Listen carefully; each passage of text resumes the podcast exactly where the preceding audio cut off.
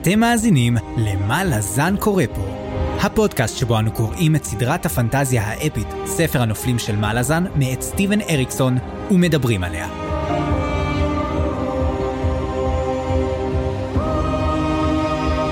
אני צפריר, ואני חיים. והיום פרק מספר 60, שבו אנחנו קוראים את הפרקים 17 ו-18, ונסיים את החלק השלישי, קוביות הנשמה, בספר סופת הקוצר, הספר השביעי בסדרה. איי איי צפריר, איזו דרך לחזור. פרק 60, סוף החלק. מתקרבים לסוף הספר השביעי. אתה קולט את זה? שלושה פרקים? לסיום, שלושה פרקים לסיום הספר השביעי, וואו וואו וואו. ותשמע, אני כבר חייב להגיד לכל מי שכבר איתנו ורץ איתנו, הפרק האחרון, תנו לו שבוע, את כל השבוע שלכם. זה המון פרקים, זה פרק אחד ענק ועוד פרק איתו. זה ספר גדול, אתה יודע, סופת הקוצר הזה, אה, סופה סופה. כן, ובדיוק היום קיבלתי את הספר השמיני. טול דה האמס, אז אני מתרגש. לשנייה היה לי יצ- יצר הרע קצת לטפדף בו, אבל לא עשיתי את זה. לא, לא, לא הסתכלת, חס ושלום, לא, נכון? לא הסתכלתי, ר- הערכתי אותו. אבל... רגע, אבל אתה יודע גם את. השם של הספר? אתה כבר... את, את, זהו, תראה מה עשית. לא, את השמות של הספר אני כבר יודע די טוב, כי כן. הספקתי כבר לראות כל כך הרבה פעמים את הרשימה בביבליוגרפיות וכאלה, אבל אה, טוב, תשמע, אנחנו לא חיים פה בוואקום, אי אפשר עדיין לסגור את זה. אבל עבר הרבה זמן, זאת אומרת, אני לא יודע אם הצופים, אתה יודע, הצופים ששומעים אותנו כל פעם, כל שבוע, יודעים שעברו שבועיים מאז שהפרק האחרון, ועכשיו פרק חדש, אז אה, היי, שמחים לחזור. לגמרי. אז באמת עבר הרבה זמן, ואולי זאת ההזדמנות שתזכיר לנו קצת מה היה, מה פספסנו, ונתכונן לפרק הקרוב שהוא מלא הפתעות. או-אה, איזה פרק, איזה פרק. אז בפרקים הקודמים של מה לזן קורה פה. אנחנו חוזרים לעולם המלזני כשהוא במצב מצוין. בלשון סרגל נהור כמובן. רולאד סנגר צולל עמוק יותר ויותר לתוך הטירוף שלו, ושולח את ההורים שלו לכלא. בינתיים מהצד טריבן גנול משפשף את ידיו בהנאה וצובר יותר ויותר שליטה, בעוד התוכנית הכלכלית של תהול בדיקט מגיעה כמעט לשלבי סיום. אבל כוחות פועלים מתחת לפני השטח וגם הארנט וגם חנן מושג מתכננים תוכניות זדוניות שעליהן אנחנו לא יודעים דבר. מחוץ לכותלי המשכן הנצחי, אף אחד כבר לא רוצה לשחק עם קרסה אורלונג. אז הוא יוצא לטייל בעיר ופוגש מי אם לא את איקריום. למפגש אנטי קליימקטי במיוחד ולא טעון. ככל הנראה לא נראה קרב ביניהם בזמן הקרוב, אבל מותר לקוות, נכון? ובקצה השני של העולם, הלת'רים מחליטים לחסל סופית את המכשפים של הטיסטה אנדי של בלו רוז והורגים את כולם למגינת ליבו של קליפ. למרות זאת זה גורם לו סוף סוף להפסיק לסבסב, ומראה שהטבעות הן השער שפותח אל הקורלד גליין. וכמובן שצריך את רדמאסק, כי אחרת הספר הזה פשוט לא מתקדם. אנחנו שוב נפגשים איתו לקרב נוסף בין ביבת ורדמאסק, והפעם גם ברול הנדר, שמתברר שכן שרף את הקרב האחרון משום מה. הפעם רדמאסק בוחר להקריב רבים מחייליו, או אפילו לדאוג לכמה רציחות מהצד. מטרתו עדיין נותרת מסורתית, בדיוק כמו האדם עצמו, אבל לא נראה שמישהו יכול לעצור את האולים מלכבוש את דרין. אז מה יקרה עכשיו? האם לא יהיה מזור לרולד? מה התוכנית של חנן מושג? האם איקריום יילחם נגד קרסו אורלונג? להיכן חבורת ה-SRG נעלמה? האם רדמאסק באמת יכבוש את דרין? האם יש למישהו מושג עדיין מה לזן קורה פה? אה, מה שכן הבנתי תוך כדי שהסברת זה שהייתי כל כך שקוע באירועים של הפרקים האלה ששכחתי מה-SRG ושכ... ושכחתי מרד מאסק וכאילו חצי מהפרקים שהיה לנו עד עכשיו עסקו גם בהם אז אני אני כאילו אני קצת בשוק.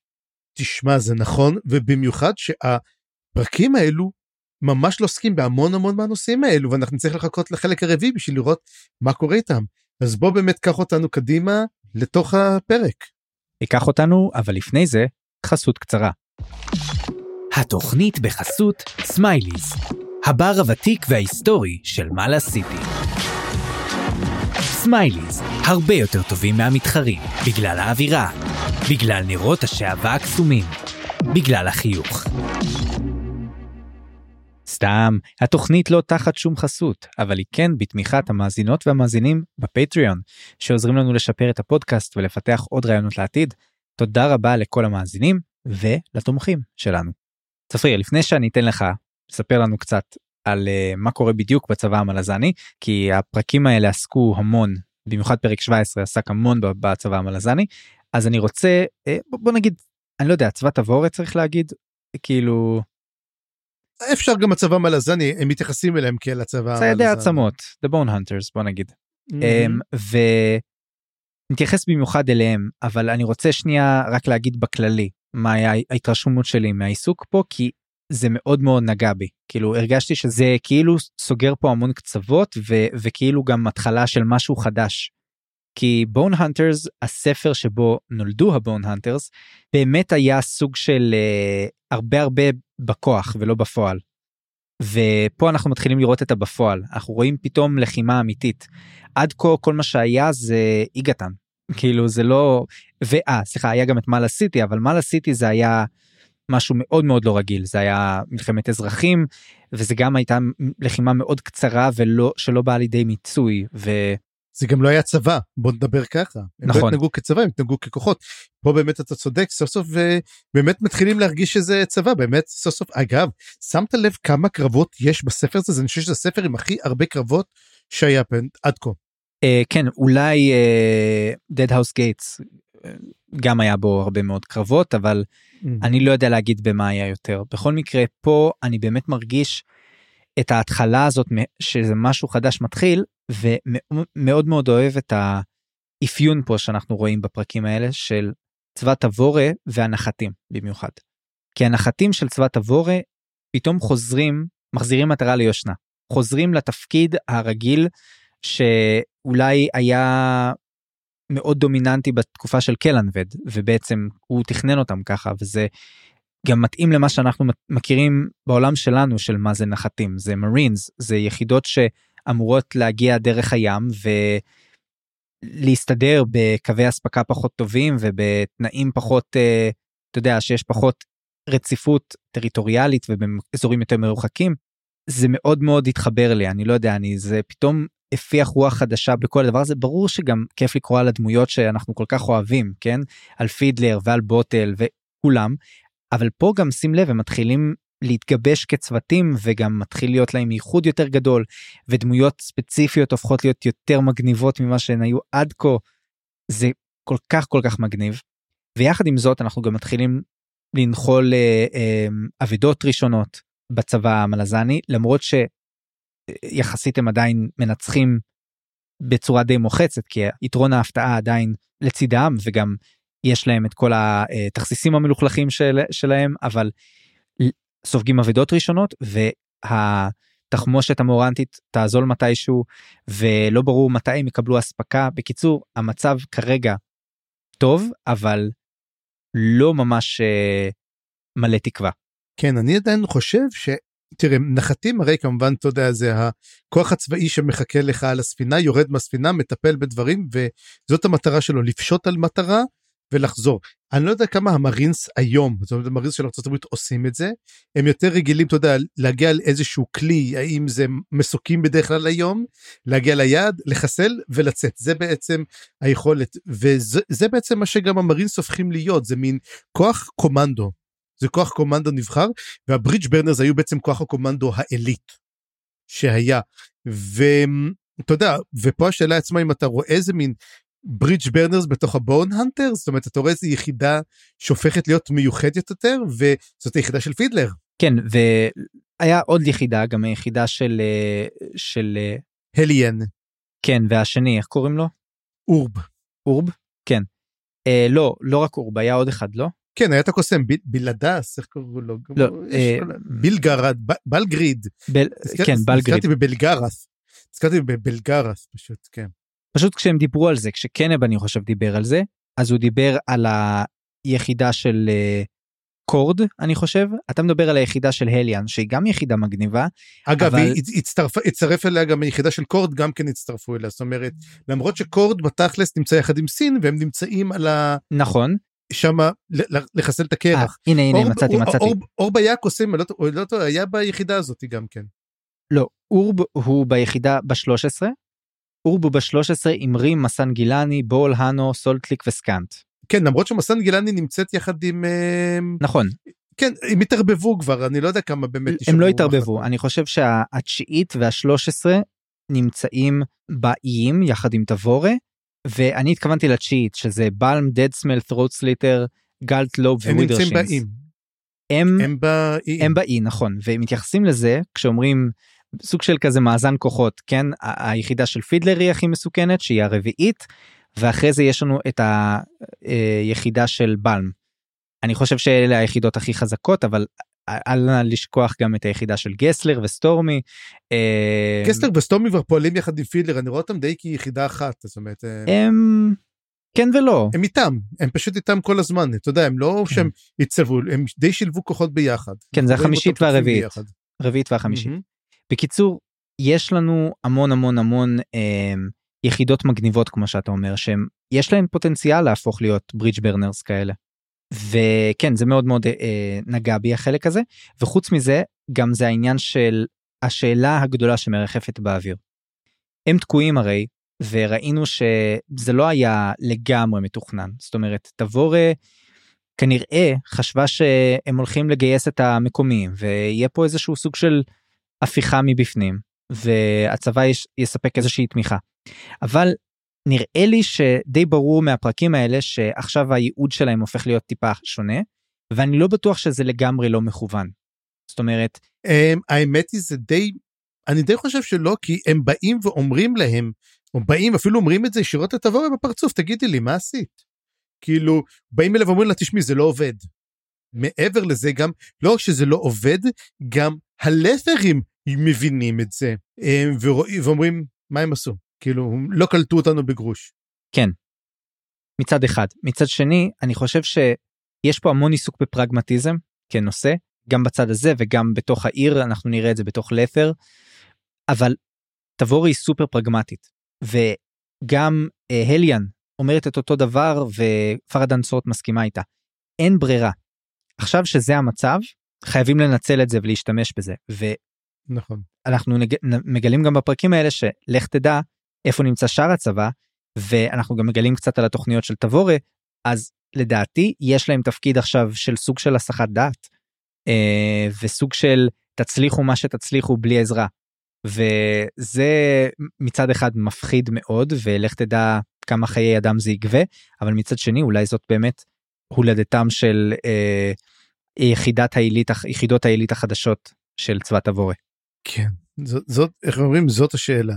אז עם כל זה אה, ההקדמה הארוכה שלי אולי תתחיל אה, לקחת אותנו ספציפית ונדבר ממש על אה, אירועים יותר מגניבים שקרו ממש עם היחידות שלנו. אוקיי, אז אנחנו באמת נתחיל עם הדמויות הראשונות שאנחנו פוגשים כבר בפרק 17 וזה ביק ופרדן סורט ומעניין מאוד מאוד לראות את מה שקורה מנקודת המבט של um, של ביק. ביק עצמו הופך להיות POV הוא כבר היה POV לפני זה והוא מדבר המון המון אתה יודע על עצמו על הנרות. אנחנו מגלים קודם כל um, איפה ביק היה עד עכשיו כי אתה יודע כי אומרים רגע ביק פתאום הופך להיות דמות POV לא שמענו עליו. איפה הוא היה? הוא הגיע מאיזשהו מקום? ואז אנחנו רואים שהוא בעצם הוא כל הזמן היה שם פשוט הוא לא עשה משהו אז אנחנו רואים אותו שהוא היה באי קטן והוא ראה את סין והוא דיבר והוא אומר רגע אולי הייתה לי טראומה פה הייתה לי טראומה שם מה קרה? אתה יודע ממתי הכל התחיל? הוא מאוד מפחד מסין דרך אגב מאוד מאוד מפחד ממנה. ואמרת שיש לו קטעת הטראומות מול ההורים. אמ, אמא שלו אנסה אותו אוקיי? זאת אומרת אמ, והוא שרף אותם. כאילו בוא, בוא נדבר. אגב אנחנו הולכים לדבר הפרק על משפחות נוראות אני לא יודע כמה זה וזה אז בוא נגיד זה מתחיל להידרדר עוד יותר חכו אם אתם אומרים שזה לא יכול להידרדר יותר מביק זה, זה יידרדר ואני מבטיח לך זה יידרדר. ופה בעצם ביק אה, מתחיל אה, להיות עם פרדן סורט ואז הם מבינים בעצם אה, שהם מסתירים הוא משתמש בשני נרות הוא משתמש בנר כחול ובנר אפור. עכשיו אני חושב שהנר האפור זה כנראה רשן לא רשן, אה, מינאס, מאנס. והכחול, מאנס, כן? והכחול זה רוז יכול להיות? ים אולי? אני לא יודע. אה, זה לא אה, מוקרה? זאת שאלה טובה. אני חושב שזה אז- מוקרה ומאנס, הוא משתמש בצללים. וב mind magic. כן, והוא עושה את זה, ואתה יודע מה, תמיד אני התבלבלתי עם מאנס ועם מוקרה, ודי חשבתי שהם אותו דבר, כאילו, כי מיאנס זה בעצם קסם צללים, נכון? כן, מוקרה זה קסם, זה קסם המחשבות. מחשבה. ה- שהוא בעצם הצל של מיאנס, הרבה אומרים. ייתכן. אז זה, בוא נגיד, עדיין לא סגורים כל כך, שבעה ספרים לא סגורים, תראה איזה יופי. יש סיכוי שנסיים אבל- את הסדרה ולא נהיה סגורים. אה, יש מצב ש... טוב מאוד. יש מצב שאריקסון לא סגור גם. אני בטוח שהוא לא יודע מה הולך איתו. ובינתיים הם ממשיכים הלאה והוא משתמש בקסמים האלו למעשה בשביל להסתיר את עצמם מהלת'רים. הלת'רים לא מצליחים לראות אותם ויש שיטה אחת זאת שיטה אחת אבל יש עוד שיטה אחרת. השיטה האחרת זה בעצם להשתמש במשעול אחר שהם לא יכולים והוא אומר זה הנר הלבן. מה שאמרנו השער של הוד. ויש בעצם לכל, לכל יחידה יש לה את הקוסם שלה שהתפקיד שלו הוא בעצם למנוע אם זה אצל פידלר שזה אמור להיות באטל ואם זה אצל um, היחידה של הליאן שזה בלגריד ובלגריד אני לא חושב שנתקלנו בו עד עכשיו נכון אה, לדעתי לרגע נתקלנו בו בפרקים האלה. אני חושב שיש לה גם את בול את אותו אחד מאותם מוט אירגולרס הוא מוזכר שם שגם הוא נמצא שם אבל הוא לא קוסם. אני חושב שהם רוצחי קוסמים או משהו כזה, הם רוצחי קוסמים, ובלגריד עצמו הוא משתמש בהוד ואומר, בעצם הרי גילינו שאין את המוות בלת'ר בגלל כל הסיפור הזה של אה, הקרח של גוטוס, רגע רגע רגע ולכן הם, אני אתה הזכרת עכשיו את בול אני פתאום התחלתי להיז- אני נזכרתי בקטע הזה של הבורות. יכול להיות שהם חפרו בורות כי הם היו צריכים עצמות בשביל הקסמי קסמי אה, ניקרומנסים שלהם? אני לא, אנחנו יודעים איך קסמי נקרומנסים עובדים? לא אבל יכול להיות שצריך עצמות אני יודע.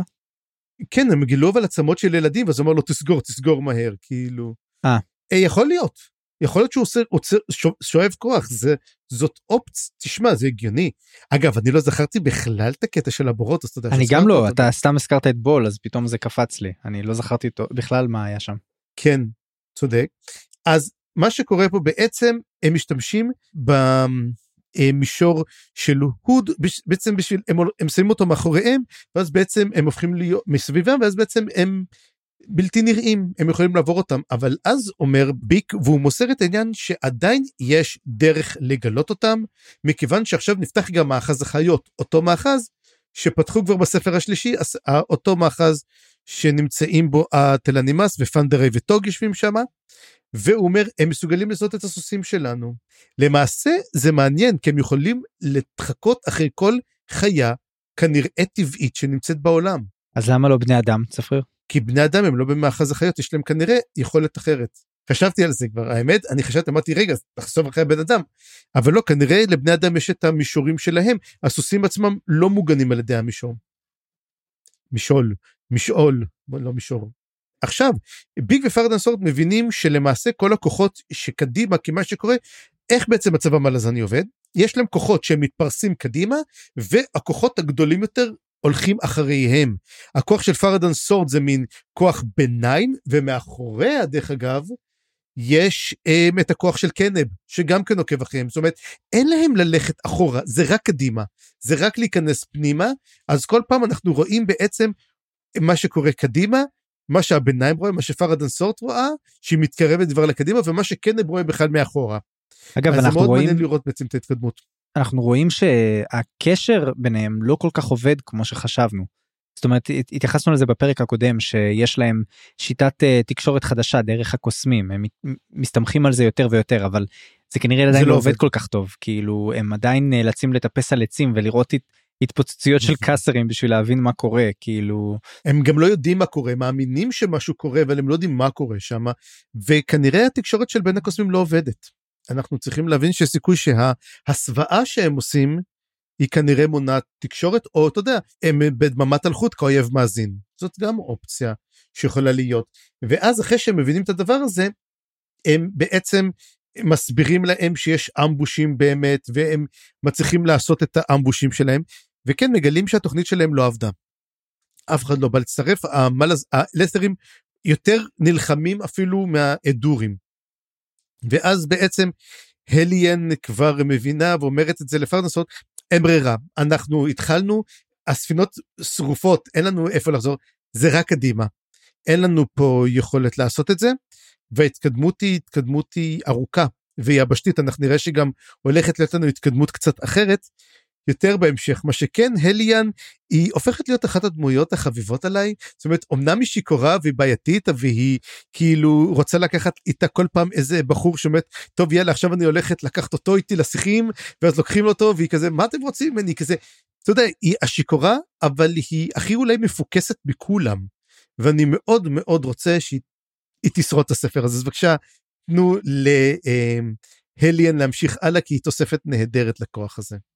כן אני איתך אחלה דמות אה, אה, הקטע של, ה, של הסמלים קצת אה, מוזר לי אבל בינתיים זה עובד אני יודע. כן היא מקדמת את מי שהיא רוצה. רבטים, רבטים, סליחה. לאט לאט אני לומד. היא גם כן לא יש לה גם כן היא התאחדה עם עוד כוח עם הכוח של אורק ואז היא אומרת אה אתה כי היא- היא גם התאחדה עם כוח אחר ואז היא אומרת רגע גם אתה סמל אז תעזוב אותי זה לא מעניין אותי כאילו היא, היא, היא כמה שיותר תנסה. אתה יודע יש לקראת הצלת סמכויות היא זורקת סמכויות וזה בסדר אתה יודע אני מקבל את זה. אמ, אבל אם אמרנו דמות אהבה אחת בוא נעבור לדמות שאולי הדמות הכי אהובה בסדרה וזה פידלר. לא יודע אתה יודע בוא בוא, בוא סתם אני רק מעלה את זה לרגע. תגיד לי הוא, הוא לפי דעת הוא באמת הדמות הכי אהובה עליך או לא כי עליי כן. אני זוכר היטב שבספר השני לא אני לא הבנתי מה מה התפקיד שלו לא אבל אבל עכשיו אני מדבר עכשיו כאילו בוא אני אגיד לך כרגע. מאז ש... לא נעים אבל מאז שאין את הדג' אה, פידלר אה, נהיה הרבה יותר מעניין זאת אומרת בספר השני הוא כבר לא היה עם הדג' אבל כאילו מאז שהוא איבד אותו כאילו יש לו יש ומאז שהוא הפך להיות סטרינגס אה, או ניסה להיות סטרינגס כן. לדעתי הוא הפך להיות דמות הרבה יותר מעניינת כי הוא גם תכלס הרבה מהכוח שלו כ... בשבילנו כקוראים זה שהוא באמת נשאר מהשורפי הגשרים הוא הנקודה ההמשכית ויש לו אישיות. הוא היורש של וויסקי ג'ק. הוא כן. היורש של וויסקי ג'ק. נכון ויש לו אישיות וזה נוטף מהדפים במיוחד עכשיו שהדג' מזכיר אה, לא אני לא רגשן כמו פידלר אבל אה, כן הוא דמות טובה דמות מצוינת אני לא לא חושב שהוא היה הדמות האהובה עליי מההתחלה אבל הוא בהחלט הופך להיות אחת האהובות. לא ברור שלא. אני חושב שוויסקי ג'ק הייתה אחת הדמויות שהכי אהבתי ובגלל זה המוות שלו בספר שלישי היה מאוד מאוד קשה ובכוונה הוא נועד למות כדי שיכאב לנו נורא ובגלל זה אולי אני קצת חושש לפידלר אתה יודע כי אני אומר וואו אני איזה כיף שפידלר מופיע על, על המסך אני מופיע בעצם בפרקים אני אומר איזה כיף כיף לי לקרוא על פידלר כיף לי לקרוא על היחידה שלו וגם כל החבר'ה ביחידה שלו מתחילים לקבל אה, המון אתה יודע פלאשינג אאוט הוא מעולה ופתאום אתה יודע אנחנו כל הזמן שומעים עליהם קצת פה קצת שם אבל פתאום זה נהיה נהדר אז כן באמת אנחנו מגיעים לפידלר ואז אנחנו מקבלים כל מיני קצת דברים על היחידה שלו כמו למשל על ברייבנטוס. שאנחנו מגלים שברייבנטוס הרי נותן את השמות לכולם נכון? אבל הוא נותן שמות ויש לו מין knack כזה כמו אתה, אתה קראת את אמ, הבטחה של דם של אמ, לא, לא ברנד קראתי. ללן? לא. אז יש לו קטע מאוד מאוד יפה שזה נקרא knacks שזה מין יכולת אתה יודע אין לה הסבר איך יש לך את היכולת הזאתי פשוט יש לך את זה זה עולם קסום אז יש לך את היכולת וזה זה יכול להתבטא כמשהו מאוד מאוד קטן. אתה יודע אמ, וזה ה knack שלו זה הכישרון שלו. ברבנטוס מין רואה את העתיד הוא יודע מה הבן אדם הזה מסוגל לעשות מי הוא מה השם האמיתי. זה לא מה השם שההורים שלו נתנו לו זה השם שלך. עכשיו שאתה בצבא זה מי שאתה. ואנחנו רואים את זה על דדסמל ודדסמל גם מדבר על זה וכמובן על throat slitter אנחנו ראינו את זה בפרקים הקודמים. וברייבנטוס למה הוא קרא לזה? כי פידלר שבר לו את השן. אז זה כל המטרה אתה יודע השן השבורה הזאת שפידלר עשה לו זה מעניין למה דווקא הוא בחר את השם הזה או שככה הם קוראים לו. אני חושב שזאת אחת הנקודות שבאמת אנחנו אומרים פידלר הוא אגדה כי פידלר כן. הוא זה שנתן את השם לזה שנותן לכולם את השמות. זה כאילו בדיוק. הקטע אבל כן אה, אה, אתה רוצה להתייחס בטח לטר שהוא קרא לטר אני. ל- כן לטר וטר טר זה הרי זה זפת אמ, והוא אבל טר עם שני R. אתה יודע זה לא טר רגיל זה טר עם שני R אבל הוא אומר לו זה מה שאתה עושה אמר לו אתה עומד ושום דבר לא עובר אותך.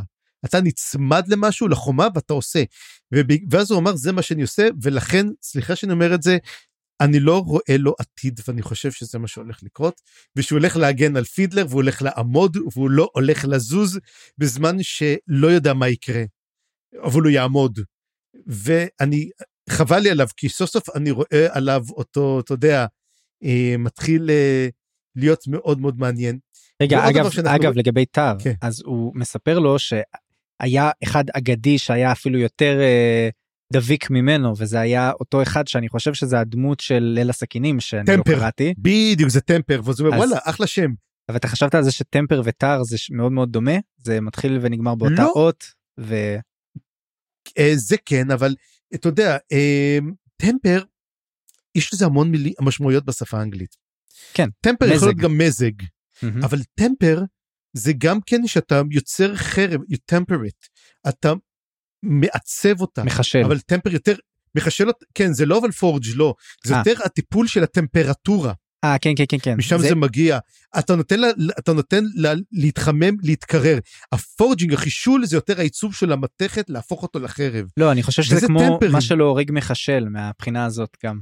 אה, כן יכול להיות אבל זה טמפר זאת אומרת האם זאת כן. השאלה האם הוא כאילו העמידות הוא יוצר את העמידות הזאת הם הרי גם temperance זאת עמידות כן. אה, אתה יודע זה כל הדברים האלו שמאוד מאוד מעניינים אז טמפר עצמו הוא, הוא באמת הדמות הראשית בספר אבל אתה יודע הוא באמת מזכיר ואומר אתה זוכר עוד בקרב באיגתם ואמרתי כמה קריצות אתה יכול לעשות? בסדר יקנו את ליל הסכינים אוקיי?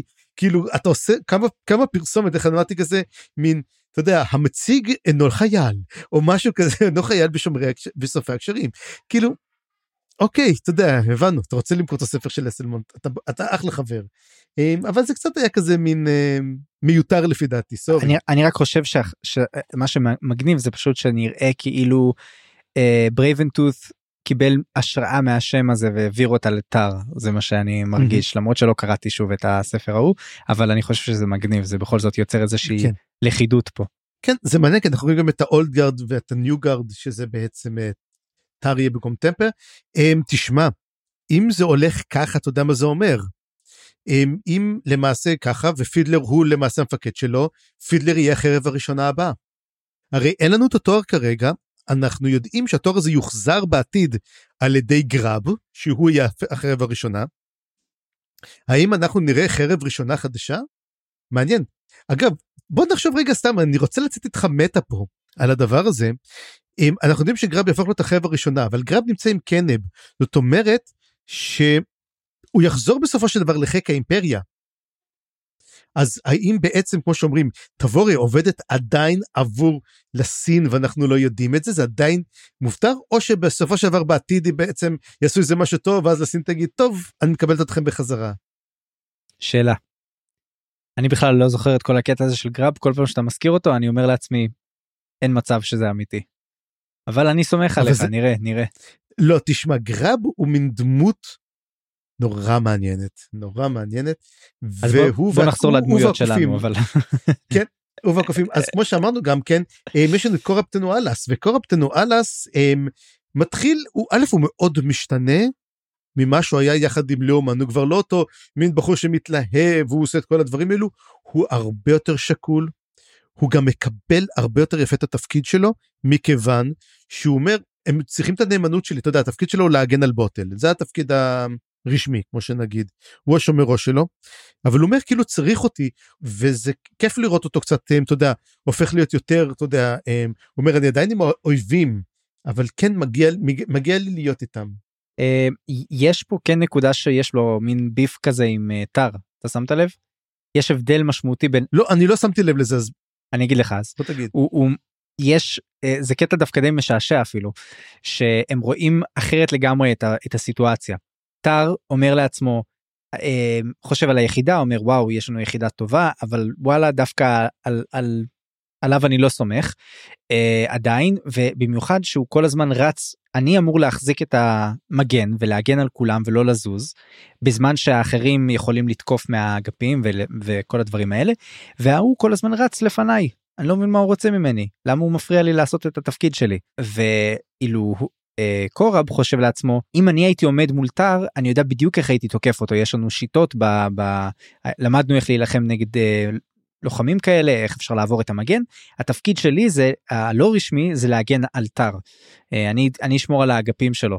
אז הם רואים את, הסיטואציה את אותה סיטואציה משתי זוויות שונות וזה מצחיק כי זה כאילו יוצר ביניהם איזושהי אני חושב מתח שאולי אפילו יגיע לכדי מכות או משהו אבל זה נראה אני כאילו חושב שהוא יגן עליו הוא יגן עליו זה יהיה משהו מרגש. אנחנו אני מצפה יהיה משהו מרגש נכון? כן כן.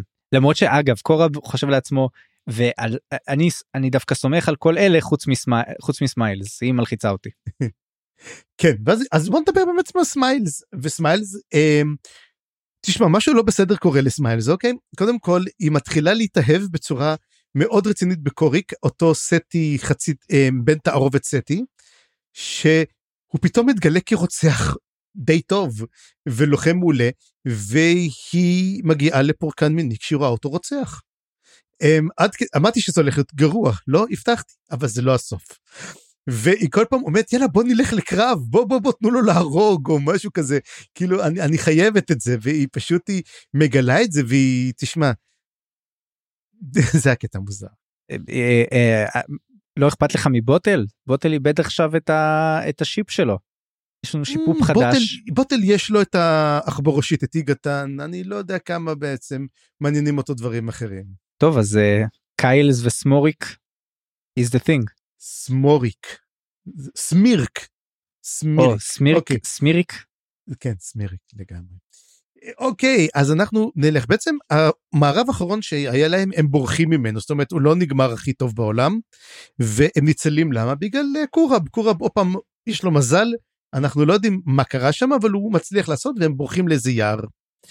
ואז הם מבינים שהם צריכים אין להם כבר כל כך הרבה יכולות והם צריכים הם, כלי נשק חדשים שיהיו להם. ואז מה שהוא אומר פידלר אני, אני הולך לעשות את התוף. ואז כולם מדברים מה מה זה התוף מה זה הדרם הזה ובעצם מה שהם עושים הם לוקחים קאסרים ומגרדים אותם עד שהם דקים דקים דקים דקים והם נשברים מנגיעה. זאת אומרת כי קאסר הרי צריך לזרוק אותו צריך לזרוק אותו שהוא ית- יתרסק זאת הדרך הוא רימון בתכלס תחשוב על רימון שצריך רימון ישן שצריך לשבור אותו כדי שיתפוצץ. עכשיו כמו שאומר כמו ראש נפץ מ... כן, כן, ה- כמו, כמו ראש, ראש נפץ רק אתה יודע רק בלי מרעום זה פשוט פשוט מתפוצץ ש, ש, on, upon impact והם גם קוראים לזה גרנדו דרך אגב הרבה פעמים גם כן זאת אומרת ככה זה נראה גם. ומה שהוא עושה הוא מתחיל לגלח אותו מסביב. אני לא הבנתי כנראה זה טוב כנראה שזה צור כנראה הוא מחליק אותו שזה נראה כמו תוף. כן כן יש שם את המכסה או, או ה... נגיד מה שחותם אותו מה שסוגר אותו. ואני דמיינתי את זה כמו כד כזה שיש מעליו אה, עוד גוש של חרס שמכסה אותו. וזה אם הגוש הזה נס, נסדק אז אז זה מתפוצץ. אז מה שהוא עושה הוא פשוט משייף את זה אה, מגלף את זה עד שזה ממש ממש דק ואפילו מניח אבן חדה איך אומר כמו קליפה של ביצה. כן ומניח אבן חדה איפשהו מעל זה אה, ככה שכשידרכו איפשהו באזור זה יתפוצץ. הוא למעשה יצר את המוקש הראשון המלזני. לא הוא אומר שהם כן משתמשים בזה לפעמים ככה אבל אז זה נורא תלוי מזל. הוא אומר שיפרנו את זה פחות או יותר. הוא אומר מה זאת אומרת שיפרתם פחות או יותר? הוא אומר "או שזה עובד או שלא. כאילו אין לך פה כך אמצע. ואז באמת אנחנו חוזרים קצת לראות איך הכל התחיל כל הקטע של הפל... קיבלנו מקבלים פלשבק לאיך המורנס הצטרפו ואיך הדג' ופידלר שאמרו הם, טוב הם אוהבים לפוצץ דברים אז תנו להם משהו להתעסק איתו. אז הם פשוט קיבלו את כל זה וכמו ילדים פשוט חיסלו ארגזים שלמים בשביל להבין איך הדברים האלו עובדים. ו... הם באמת אנחנו רואים דבר מאוד מאוד מעניין. מי הייתה הקבוצה שנשלחה לעשות משא ומתן איתם? קודם כל היה שם וויסקי ג'ק, היה שם טונוס אולן, דרך אגב, אונוס טולן, טול הידוע לכינויו, אמ, ומי עוד היה שם גם כן? היה שם את אראגן. אתה זוכר מי זה אראגן? לא תזכיר לי כי אני זוכר שאתה זוכר. זה תמיד הדמות שאני אוהב, זה אותו אחד שמקבל כאבי ראש מה... מהקסמים. אני מחכה כל ספר לראות איפה מזכירים את אראגן. אז כנראה הנה אפילו שזה לא מתרחש בכלל באזור שלו. הנה אראגן הוא גם כן היה כבר איזה פקיד שהוא אה, עשה כנראה רשומות כי הוא מה הוא היה הוא, אני מקבל כאבי ראש כל פעם שאתה מזכיר את הרגן. אין, אתה רואה אז הנה כן אני דווקא אוהב את אראגן זה מין מין איסטר אג כזה שאני רק מחפש אותה אתה יודע זה כמו זה, יש את כל אתה יודע את כל הסרטים האלו שמסתכלים הרגן זה הויד קונפירמד. אה, לא אבל בסדר הוא, הוא פשוט נמצא בכל מקום זה לא עולמות אחרים אבל אה, כן. ואז הם למעשה, כתבת פה משהו האגדה של פידלר, אז בוא תספר קצת על האגדה. לא, אני רק אומר שפידלר הוא, הוא הופך להיות התגשמות, התגלמות של האגדה שלו, של שורפי הגשרים, של ה sapper האחרון, איך שקורא לו קאטל. קאטל הרי אנחנו יודעים שהוא sapper לא רע בכלל, הוא היה הרי מפקד של הסאפרים בשרשרת הכלבים, Mm-hmm. וקאטל מסתכל עליו ביראת קודש, הוא, הוא אומר אני לא מאמין שחזיתי. בטוף, מי שעושה את- את התוף, כן. והוא יכול למות עכשיו אה, שמח ואני רק רוצה לומר שזה מדהים כי זה לא רק שהוא יודע אולי היחיד שיודע איך לעשות את התוף האגדי אלא הוא התחיל בעצם את כל המסורת הזאת של הסאפרים והמורנט מיונישנס לא רק זה הוא והדג' הם קראו להם בשמות שאנחנו מכירים ומשתמשים בהם כל הזמן. זה הם קראו להם בשמות שרפר וקאסר וזה זה זה שמות שלהם וזה כל כך קלאסי שזה שמות שלהם גם. כן, מה, כי זה מה שזה עושה. מה זה עושה? זה מפוצץ, זה עושה הלם, זה, זה מה שזה עושה. נכון אבל זה פשוט. לא השמות שהמורנט כנראה נתנו לזה ואנחנו נראה גם את אה, מה שאתה מזכיר עכשיו לגבי קורב זה מעניין כי קורב הוא מאוד מאוד תלוי מזל. זאת אומרת הוא בערך זה האפיון דמות שלו זה שהוא מאוד מאוד אה, בר מזל הוא הנבחר של אופון, כבר אנחנו די קיבלנו confirmation לזה כן אז אולי הקודם, הוא כן. גם יכול להפוך להיות sapper ממש מוצלח כי כמו שפידלר אומר הוא והדג' הם היו כל כך הרבה פעמים שהוא זרק cusser והיה בטוח שזה יהרוג אותו או את החברים שלו וזה לא עשה את זה והוא פשוט היה צריך להקריב כל יום כנראה קורבנות ל...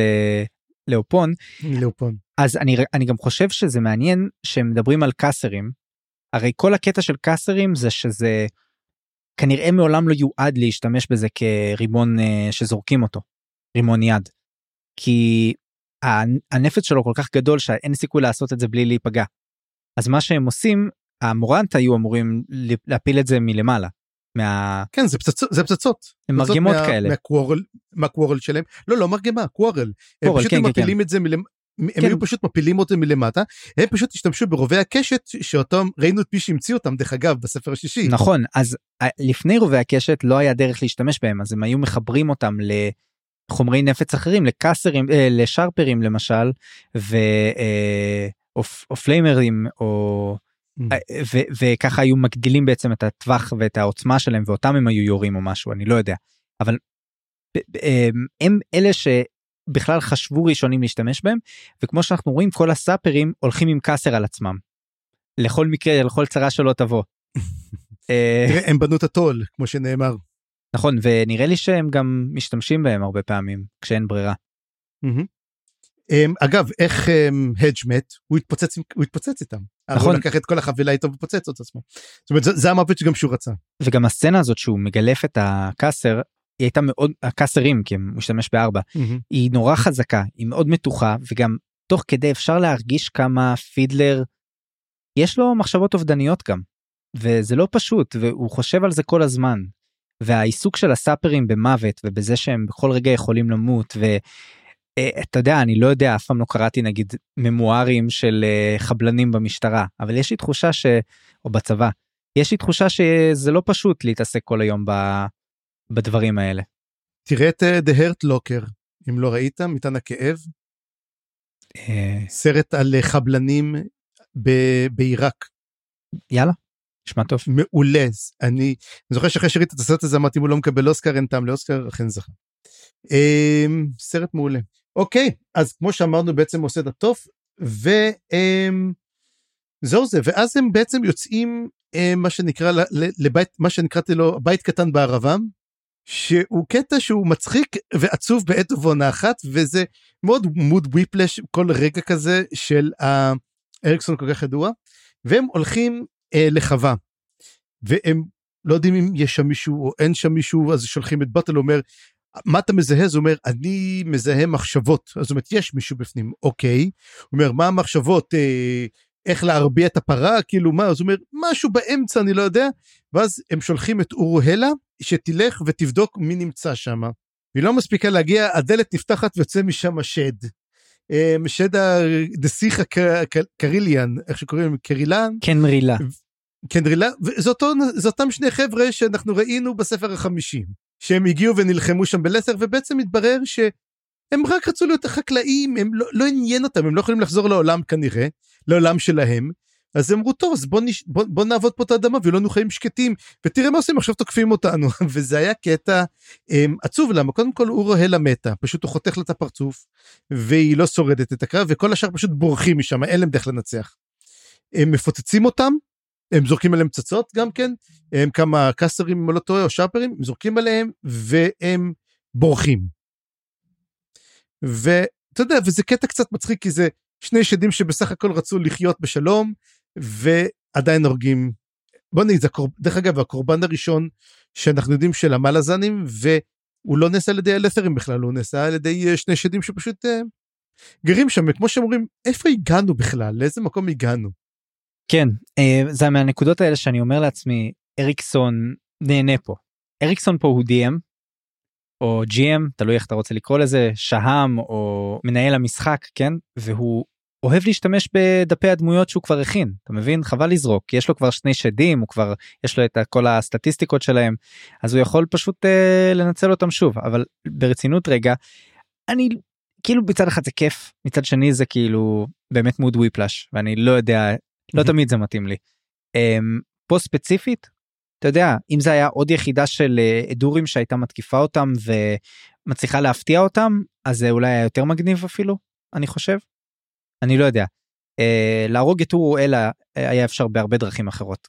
אני לא זוכר אותה בכלל את הדמות הזאת אנחנו ראינו אותה לפני כן. כן טיפה הזכרנו אותה היא עם ההביז לא לא היה משהו מיוחד היא לא איזה מסן גילני שקיבלה הרבה יותר. זאת מס... אה, מסן גילני ערום הודה לא לא לא נדבר על זה. מסן גילני ערום הודה. אה, הופה הבאת אותה זה עכשיו חייב להיות בתקציר הבא. אמ, ואנחנו מגיעים בעצם כמו שאמרנו למוקד השלישי שזה קנב שמסתכל מרחוק והם הוא בעצם רואה את כל הפיצוצים האמת זה מעניין שכל פעם רואים את הפיצוצים יש איזה פיצוץ של אחד ואז הם רואים את השני ובעצם הם די מתקשרים כאילו אוקיי אני הבנתי שפה היה פיצוץ שלהם פה היה פיצוץ שלהם אני, בערך יודע איפה הכוחות האלו נמצאים. ואנחנו מבינים פה כמה דברים מעניינים קודם כל שכל הפרישים כל הקונדריל הם נשלחו למקום אחר, זאת אומרת, יש להם משימה אחרת. שכמובן, אנחנו לא קיבלנו שום ידיעה מה המשימה שלהם. אז אני פה אשאל אותך, יש לך רעיון מה המשימה שלהם? ועוד יותר דבר, מתברר שאומר גם קיינדלי שלחנו אותו, ואז רגע, קיינדלי כן בצבא. זאת אומרת, יש סיכוי לעוד מסרק או שניים שהוא יאסוף מהמקום. תקשיב, אני, אני זוכר שאני נשברתי כששאלתי את השאלה הזאת בסוף הספר השישי, למה קיינדלי היה בצד? ולא השתתף בלחימה. אתה אמרת לא קיינדלי אה, הוא כזה straight edge אין מצב שהוא יפנה נגד אה, לסין. אה, אז א' אני שמח מאוד שטעית גם כי זה אומר שטעית ואני צדקתי או לא, לא יודע אם צדקתי אבל לפחות לא טעיתי כמוך.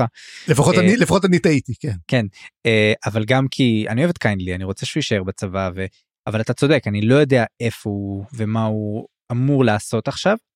אבל גם הוא וגם הקונדרילים וגם הפרישים זה חתיכת כוח גדול אני חושב אני לא בטוח לגבי מספרית כמה זה מאחוזים מהצבא. הפריש מאוד גדולים הפריש מאוד כוח גדול. כן. וגם, וגם הקונדריל וגם זה, זה גם כוח חזק והיחידות של קיינדלי הם בדרך כלל יחידות מאוד אפקטיביות לפחות גדוד השוק. אמ, אז מה שאני חושב לעצמי זה שיש שתי אופציות או שהם בסוג של ריזרב כזה ומחכים לראות איפה יצטרכו אותם הכי הרבה ולא נראה לי שזה הולכים להיות המרינס הנחת, הנחתים. הסיכוי השני זה שהם בינתיים נשלחו לעשות משהו אחר אה, ולכבוש איזשהו אזור אחר. אתה חושב שנראה אותם בדרין? שאלה מצוינת. או דרין או איזה בלו רוז או פתאום יצוצו מאיזה מקום. אני צריך לבדוק את זה שוב במפה איפה בדיוק זה יכול להיות גם. אבל זה כנראה לא לכיוון לת'רס כי אנחנו יודעים שלשם מתכוונת תבורי להגיע בעצמה. Mm-hmm. נכון. אז באמת נשאלת השאלה ויש עוד אופציה קטנה זה שהם נשלחו חזרה למלאזן אבל אז מה הם אמורים לעשות שם ולמה הם הגיעו כל הדרך לפה. לא זה אני כמעט בטוח שהם עושים משהו בלת'ר. אנחנו יודעים שהפרישים לא רחוקים מדי כי עובדה שהם הצילו עכשיו את ה... את יאן טוביס וכל הדבר הזה אז לא לא לא מי, מי שהצילו אותה זה כן זה לא מי שהצילו אותה זה כוח אחר אני לא יודע אם זה הפרישים זה פר... זה שלושה אותה. ספינות שלוש ספינות פרישיות אז הם נמצאים עדיין במיידנס, הם נמצאים עדיין שם, באזור הזה של המיידנס פורטס. כן אז אנחנו לא יודעים אבל אם זה כל הכוח או חלק ממנו לא יודעים כלום מהמם. אבל אני אגב, אשמח אני- לראות איפה הם מתחברים. אגב אני מציע דבר אחד קיינדלי מי שישחק אותו זה, זה רק אחד יכול לשחק אותו זה ג'יי קיי סימונס. זה יהיה טוב. זה יהיה באמת טוב. וכתבת פה גם כן אמ, שבעצם הוא חושב הוא משווה את תבורי לקלנבד בעצם שהשיטות שהיא לוקחת אותם. אמ, תבורי באמת מתחילה לעבוד כמו קלנבד אתה יודע היא מבינה זה אזור חדש היא צריכה לכבוש אותו וזה ממש המסע כיבוש שלה דרך אגב מזכיר קצת את המסע הכיבוש של קוונטלי של um, קלנבד רק קלנבד עשה את זה בצורה אחרת קלנבד כבש עיר עיר הוא ניגש לעיר כבש אותה השתלט המשיך הלאה כבש עיר הוא ממש עשה את זה נקודתי.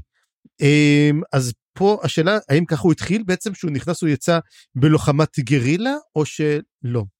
אנחנו גם ההשוואה הזאת גם באה בגלל הסיכון בדבר וזה גם מה שגרם לי לחשוב שאולי תבורי קצת כן רוצה לסכן עכשיו את אה, ציידי העצמות כי היא שולחת אותם לעשות משהו מאוד ריסקי אבל שיש לו המון פוטנציאל פשוט להיות אפקטיבי מאוד. כאילו אין להם עכשיו אספקה הם לא צריכים לדאוג להם הם צריכים היחידות צריכות לדאוג לעצמם. הן מפתיעות מאוד את האויב האויב רק עכשיו מתחיל להגיב בפרקים האלה וזה מאוד יכול להיות אה, אפקטיבי פשוט מה מה יהיה המחיר זה מה שאנחנו שואלים והחיילים הפשוטים בטח גם שואלים את זה על עצמם מה יהיה המחיר של הגמביט הזה אבל הם שואלים מה, מה לזן קורה פה. אם באמת נכון ואם באמת זה הסחת דעת כמו שאמרתי אז יכול מאוד להיות שזה לא יותר מדי מסוכן זאת אומרת יכול מאוד להיות שתבורה תתקוף עכשיו בלב לטרס נגיד עם הכוח שלה. זה זה יהיה מאוד אפקטיבי שיש בעצם למשוך את הצבא לחוף לגבולות ולתקוף באמצע העיר בירה זה יכול להיות מאוד מאוד מגניב. וזהו בינתיים זה למעשה מה שקורה עם החיילים ויהיה מעניין מאוד מאוד לראות אה, לאיפה זה יתקדם הלאה. כי אנחנו רואים למעשה שהצבא מלזני מגיע לנקודה שאתה יודע מתחילים להגיב זאת אומרת האלמנט של ההפתעה נגמר. הם כבר יודעים שיש אויב. אנחנו גם נראה שהם יודעים בדיוק מי האויב ולמה הוא הגיע זאת אומרת אין כבר סודות זאת אומרת הכל כבר על השולחן הם מודעים לזה השאלה מה הם עושים בנוגע לזה.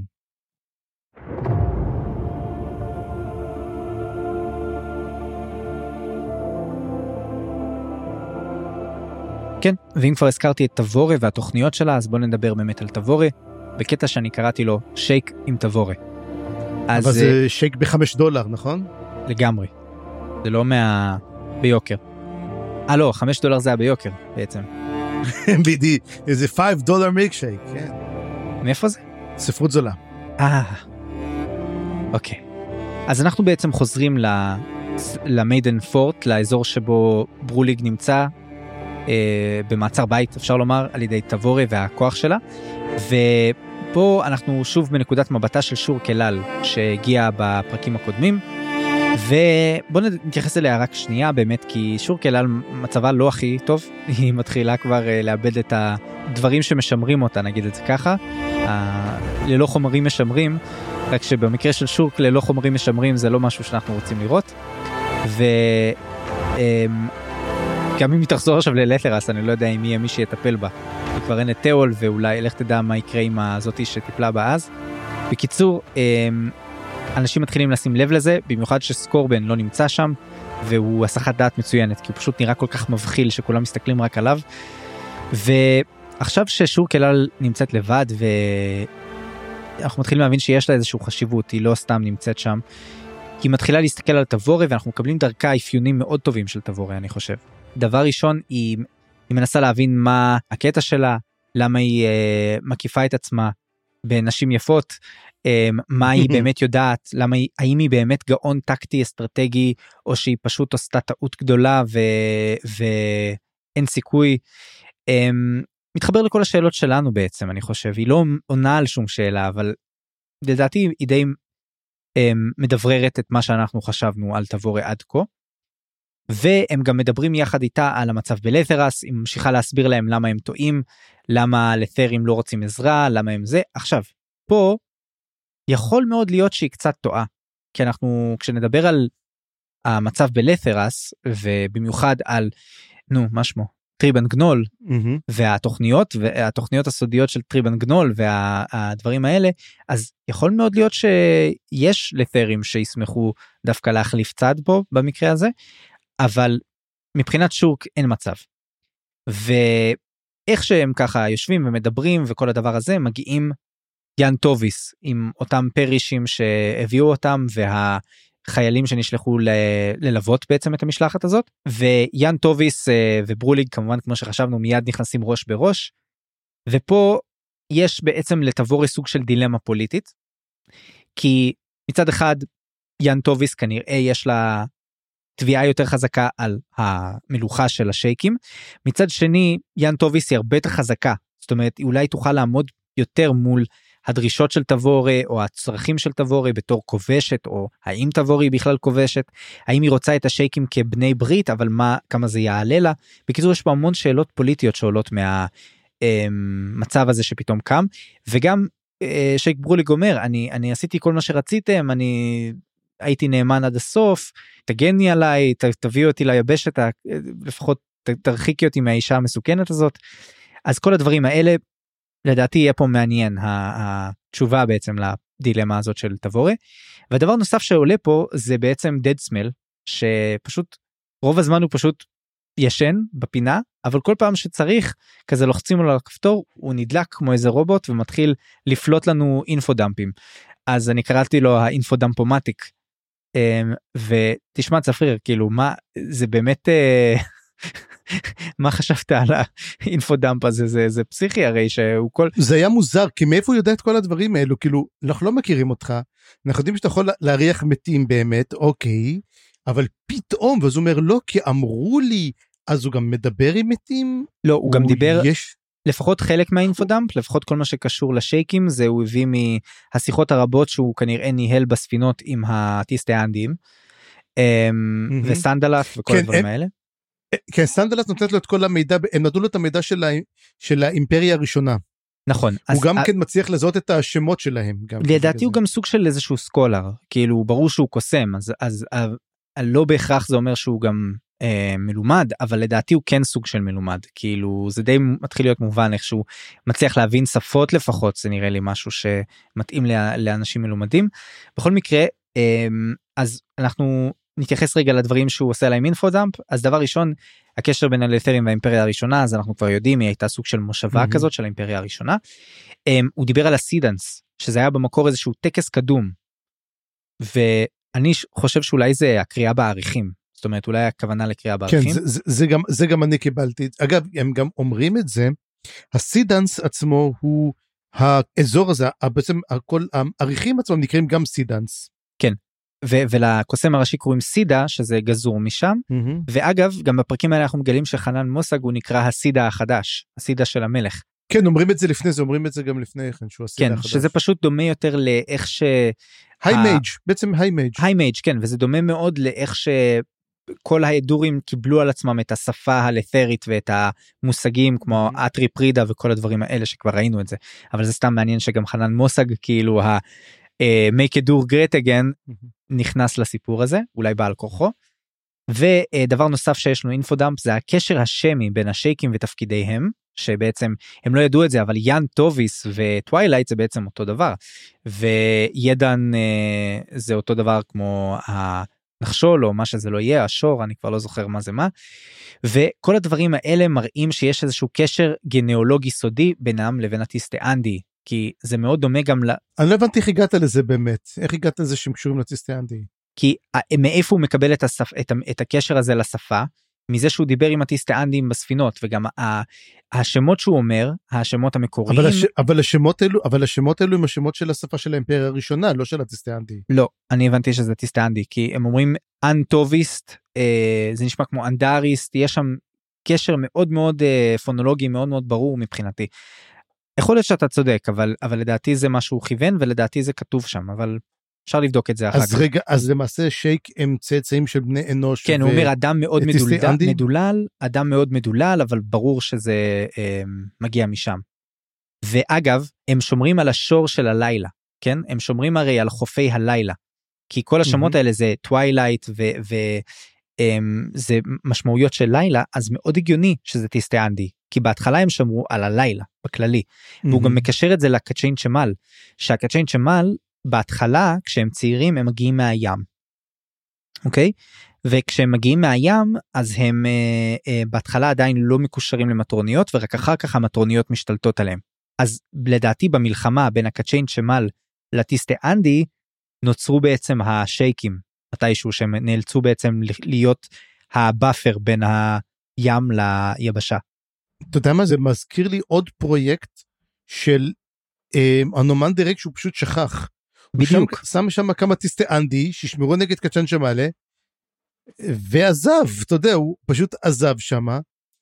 או שלמעשה אה, זה בעצם התפקיד של הטיסטי אנדי ופשוט אחרי כמה זמן פשוט נתנו את זה לשייק אמרו להם אתם מטפלים בזה עכשיו אנחנו אין לנו כבר יותר יכולת עם זה ונסוגו לבלו רוז. שזה באמת uh, מעניין עכשיו תחשוב על זה שבעצם למה מגיעים הצעירים מגיעים מהים ואולי למעשה um, הם מתחילים כמו דו חיים אתה יודע הם כמו כאילו אתה יודע מתחילים בים ואז הם יוצאים מהים שהם יותר צעירים כאילו אתה יודע צפריר ואז, אתה, אתה אה, מקדים את המאוחר יש לי תיאוריה פסיכית אתה רוצה לשמוע?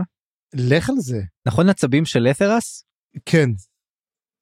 מה, הם בעצם הם? צאצאים של אה, אבולוציה של קצ'יין שמאלה. זאת אופציה כי באמת רציתי להגיד הם כמו צבים כאלה שרצים אתה יודע לים רק הפוך. רק הפוך כן. כן אז תשמע יכול להיות שהם מתחיל- נולדים בים כי אנחנו יודעים שהם נולדים מביצים נולדים בים גדלים בים אתה יודע כמו דג או כמו כל דבר אחר ואז הם עולים ליבשה ואז הם אתה יודע הם הופכים להיות דרון ואז דרון הם מחליטים להיות זכר או נקבה הופכים כי אנחנו רואים שזה חלק מהתהליך שלהם ואז בסופו של דבר הם נקשרים למטרונית ומשמשים כאחד מהתפקידים שלהם. כן. שזה גזה מאוד מעניין דרך אגב. תודה smell תודה לאינפודמפים שלך אנחנו לומדים מהם הרבה ואפילו כן כמובן. מסוגלים להפיק אה, תיאוריות מופרכות. כן אבל אתה זוכר שאתה אמרת פעם קודמת שהשדים שלהם כאילו זה קצ'ן שמאלה שהם בעצם מעורבים אז הם מעורבים דווקא עם טיסטה אנדי ולא קצ'ן שמאלה. מי מי יש שדים של מי? את- הרי אמרו שהשייק עצמו צריך צריך להיות לה- אם נולדים ילדים עם סימנים של שדים הורגים אותם. נכון. יותר מדי. צריך שיהיה להם מעט סימנים. התיאוריה שלך הייתה שאלו קצ'ן שמאלה אז כנראה שלא כנראה שלא כי הם אמ- היו אז- אמורים לפחות להילחם בקצ'יין שמל אלא אם כן הם איחדו איתם כוחות וככה נולדו השייקים זה יהיה בכלל מוזר. או שהם לא עשו את העבודה שלהם ושני, ושניים הגיעו. ו- לכן ניסים עם רד מאסק. כן. שאלה בקיצור מאוד מוזר. אני מוזר לי שלא אה, זה לא היה כל כך ברור לדעתי זה כן ברור שהם צאצאים של טיסטי אנדי אבל לא יודע יכול להיות שאני קראתי את זה לתוך הטקסט. אה, מאזינים ומאזינות אם אתם רוצים ל- לתת פה איזשהו חיזוק או אליי או לצפריר אני אשמח אני שתעשו את זה. לא אני אני לא שמתי לב לזה יכול להיות שכן אני לא קלטתי את זה. לא יודע הצלחת לערער אותי אבל זה מה שאני זוכר בכל מקרה וזהו תראה מה זה אני עושה לך אני מערער אותך. לך על שלך תגיד זה זה טיסטיאנדי כן, לך אה? על זה. בקיצור אז זה- אני אמצא עוד ל- להוריד את זה. כן. עד כאן האינפודם של דדסמל ובוא נעבור לס- לסופית התוכנית כמו שאמרתי של תבורי עכשיו מתחיל להיות uh, מובן היא מחפשת מישהו שיקח אותה לדרך נהר לת'ר ללת'רס וככה הם בעצם uh, ייכנסו לעיר או יכבשו אותה אני לא יודע מה היא בדיוק מתכוונת א' באמת מה היא מתכוונת כאילו כי כמה כמה צבא צריך בשביל לעשות את זה אולי אם כל הצבא ילך ל... להשמיד את המרינס אז אולי באמת יהיה איכשהו אפשר להתמודד אבל זה לא כזה ברור וגם היא- זה בא כתוצאה מזה ששאלו אותה מה את עושה פה בכלל? כאילו בשביל מה הת- אה, השתלטת פה על האי? אז היא אומרת זה בשביל למצוא איזשהו מורה דרך או מישהו שיקח אותי איזה קפטן ואז ברור ששור קלל יכולה להשתמ- לשמש כקפטן הזה. אבל נשאלת השאלה למה היא באמת הייתה צריכה לחכות כל כך הרבה זמן? כאילו שור קלל היא בכלל לא קשורה לאיים האלה חוץ מזה שהיא אולי חברה של ברוליג. היא בפוקס שמה. יכול להיות שהיא חיפשה מישהו מהשייק שהוביל אותה הלאה קדימה יכול להיות שחיכתה ליאן טוביס אבל בסופו של דבר היא תיקח את אה, שור כלל. טוב אמ, אני חושב שהיא באמת תיקח את שור אגב קלל עוד דבר אבל סיכוי טוב שיאן טוביס ש- סיכוי טוב שיאן טוביס פשוט אה, תאחד איתה כוחות או או זוכר שאמרתי לך את זה שהיא הולכת להיות איזה משהו איזה פיסט אצלה. אבל עכשיו מה שכן יאן טוביס אבל אה, היא אומרת לה את אה, לת'רית היא אומרת לא אני בעצם כבר לא לת'רית אני מלכת השייק. אביב העמים. זאת אומרת כן, היא מתנערת לחלוטין ממה שהיא באמת, נכון? טוב ונראה לי שעם הדבר הזה אנחנו יכולים uh, לצאת להפסקת פרסומות קצרה ומיד לאחריה uh, יש לנו עוד כמה דברים מגניבים ונעבור ללת'רס ונראה את כל הדברים שקורים שם אז פרסומות קצרות ונחזור מיד. היי אתה, יש לך בעיית מזיקים? צריך להיפטר מאיזו חלאה ועדיף בשושו? אם יש לנו הבנה, ונראה לי שיש לנו הבנה, בוא לגילדת העכברושים ממזרח לתעלת קווילס לייעוץ, ואנחנו כבר נסתדר. וזכרו, רעל, נשק קר ואפילו קסם מתקדם, לנו יש את הפתרון לבעיה שלכם. רק בואו אלינו, ואל תשכחו להביא איתכם משהו טעים.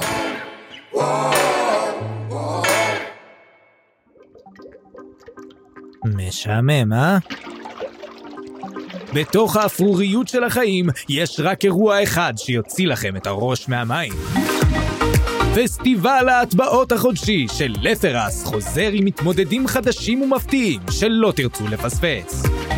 פסטיבל לת'רס, בחמישי הקרוב, תעלת קווילס שברוב ההטבעות.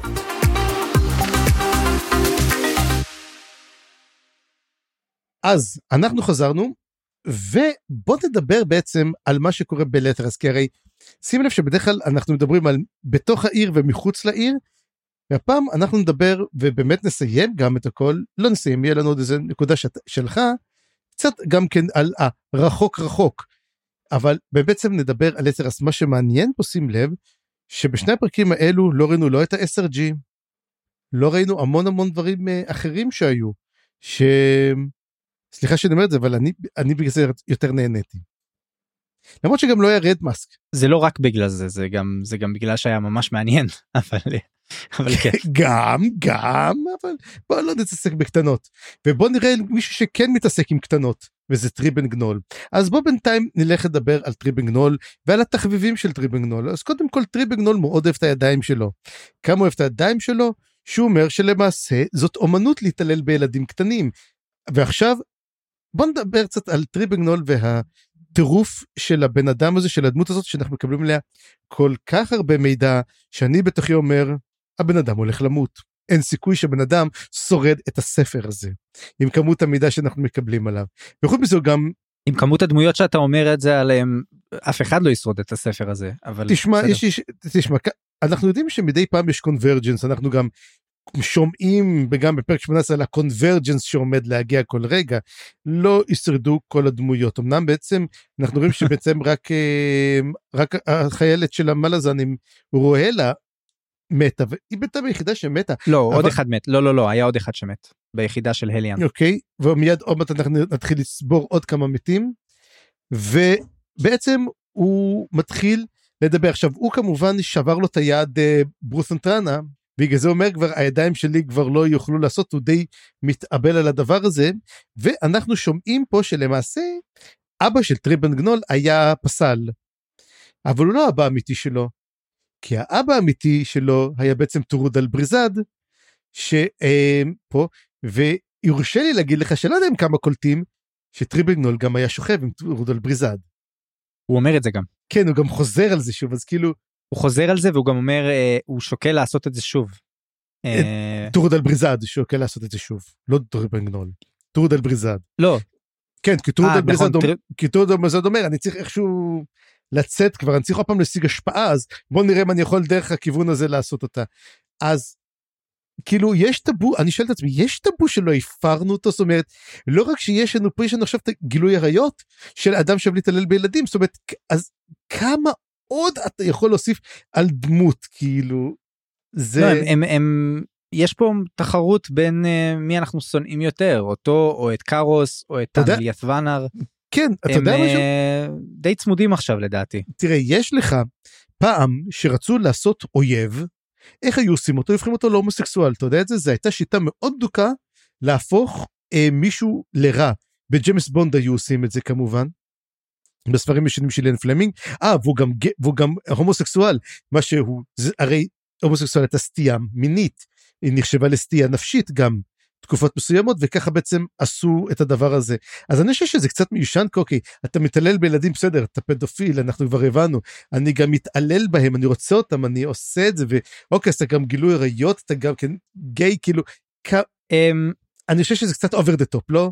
קצת over the top, קצת הגזמנו פה.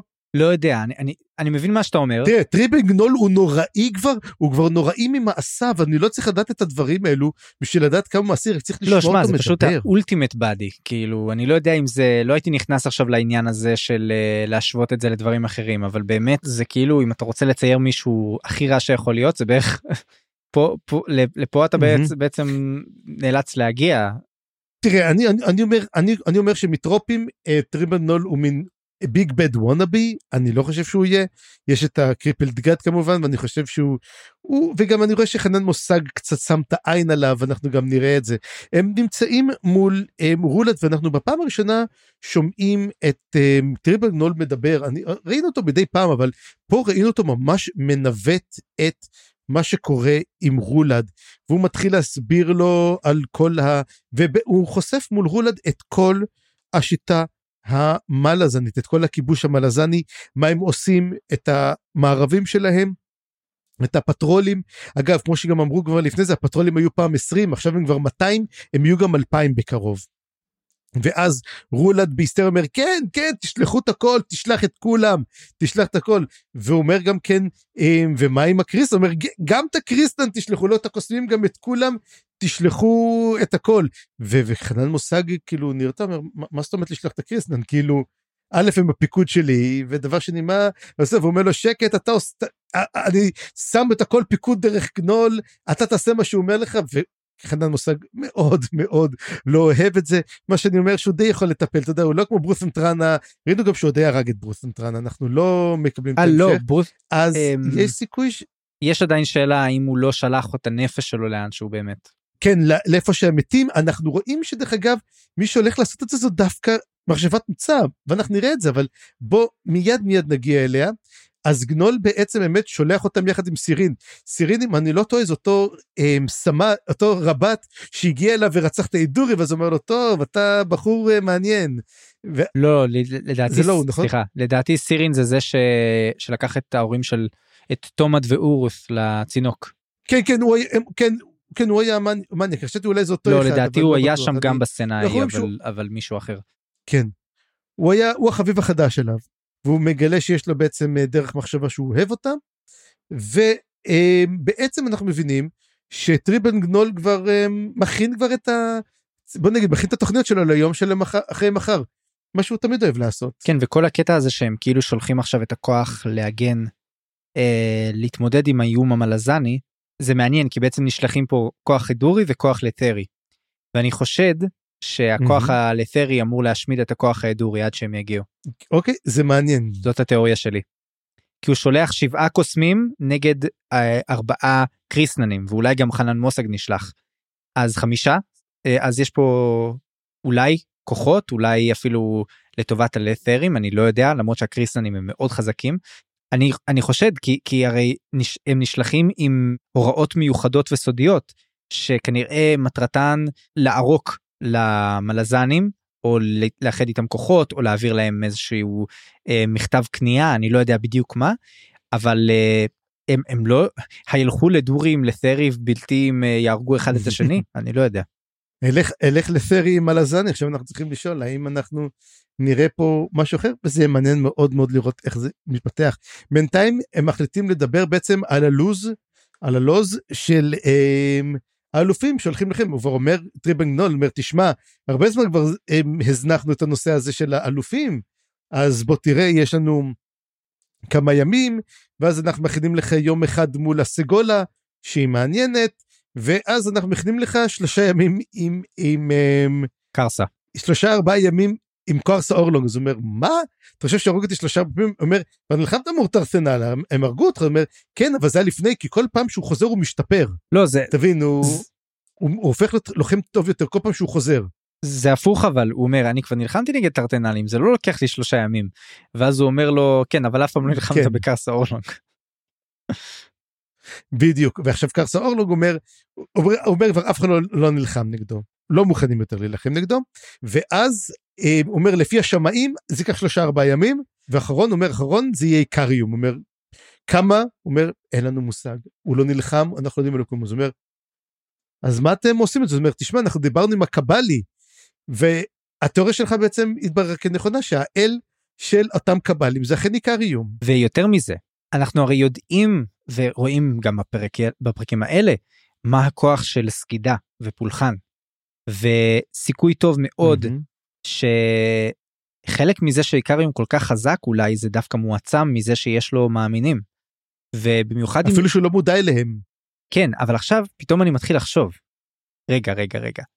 זה לא חשבתי עד עכשיו אבל האם זה שהקבלים מאמינים שהאל שלהם משוגע גורם לאל שלהם להיות משוגע?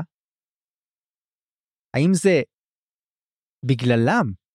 או, זאת השאלה הגדולה, האמת זאת, לא, זאת השאלה הגדולה. האם האל עושה את מה שאנשים מצפים ממנו, או שהוא עושה למען עצמו? עכשיו, מה יקרה אם איקריום פתאום יהפוך להיות שפוי? האם הוא יהרוג את כל הקבלים כי הם עדיין מאמינים שהוא משוגע? הוא יכול לעשות את זה, דרך אגב. יכול להיות אפילו שהם לא גרמו לו להיות משוגע, אבל הם מחזיקים אותו בתור כזה. יכול להיות שהוא לא מצליח לחזור בגללם. אה, זה פתאום עלה לי, כי זה, זה הרי... לא חשבנו עד עכשיו על איקריום כאל, אבל איך שרולד מסביר ומדבר, mm-hmm. הוא אל. וזה גם הופך להיות עכשיו דו-קרב של אלים, כי אם רולד... אה לא, הוא אומר, הוא אומר שזה דו-קרב של אלים, כי הוא אומר לו, אתה עצמך אל, אתה לא יכול למות. ולכן הם יראו אותך הורג אל, הם יגידו כן אתה אל, ולמעשה הוא בא להגיד לרולד, הנה השלב הבא שלך, אתה הולך להיות האל, נכתיר אותך כאל עכשיו. ורולד נורא נורא מסמפת את העובדה הזאת. אבל צפריר, זה לא סתם מילים, זה לא סרק. אם הם יכתירו אותו כאל, ויתחילו לעשות לו פולחן, ויתחילו להאמין בו. קורבנות דם. זה באמת יכול להפוך אותו להיות אל. זאת אומרת, יש בעולם הזה כוח, המלזני, להפוך אנשים אה, לאגדות, ואגדות להפוך אותם לאלים, וההבדל בין אל לאסנדנט, אנחנו יודעים, הרי זה מידת האמונה והפולחן. ויש לזה, כאילו זה, זה מין מסלולים מקבילים כאלה, אבל הם שונים, כי האל תלוי במאמיניו, כמו שנראה בסוף הפרק הזה. Mm-hmm. קיצור, זה, זה פסיכי, זה, זה ממש מעניין כל הדבר הזה, כי באמת יכול להיות שרולד או איקריום יבססו את מעמדם כאלים בסוף הדו-קרב הזה, אם הוא אכן יתרחש כמו שהוא אמור להתרחש. אגב, אתה חושב שבאמת אה, רולד הולך להילחם מול אה, קרסה אורלונג? אני חושב שהוא יילחם בקרסה אורלונג ואני לא בטוח מי ינצח. ואו שאולי יהיה פה איזה טוויסט. אתה יודע מה, אפילו, אפילו אם זה יקרה, או שפשוט הוא יגיע ויגידו איפה קרסה אורלונג? הוא נעלם, אף אחד לא יודע איפה הוא. טוב, תביאו אותי קריום, זה כנראה מה שיקרה, נראה לי. אבל אני רואה שמתחיל פה להיווצר קרב מאוד מעניין באיקריום מול רולד, ומי אתה חושב ינצח בכזה דו-קרב? אני אגיד לך מי ינצח אבל, תכלס? המפלגה. המלזנים. כי המלזנים באמת מובאים פה, מתחילים לדבר עליהם כצ'מפיון אה, אה, נוסף. זאת אומרת, אם אי אפשר להרוג את רולד קרב פנים אל פנים, אז הנה מגיעה אימפריה שלמה בשביל לנסות לעצור את רולד, ו... כן.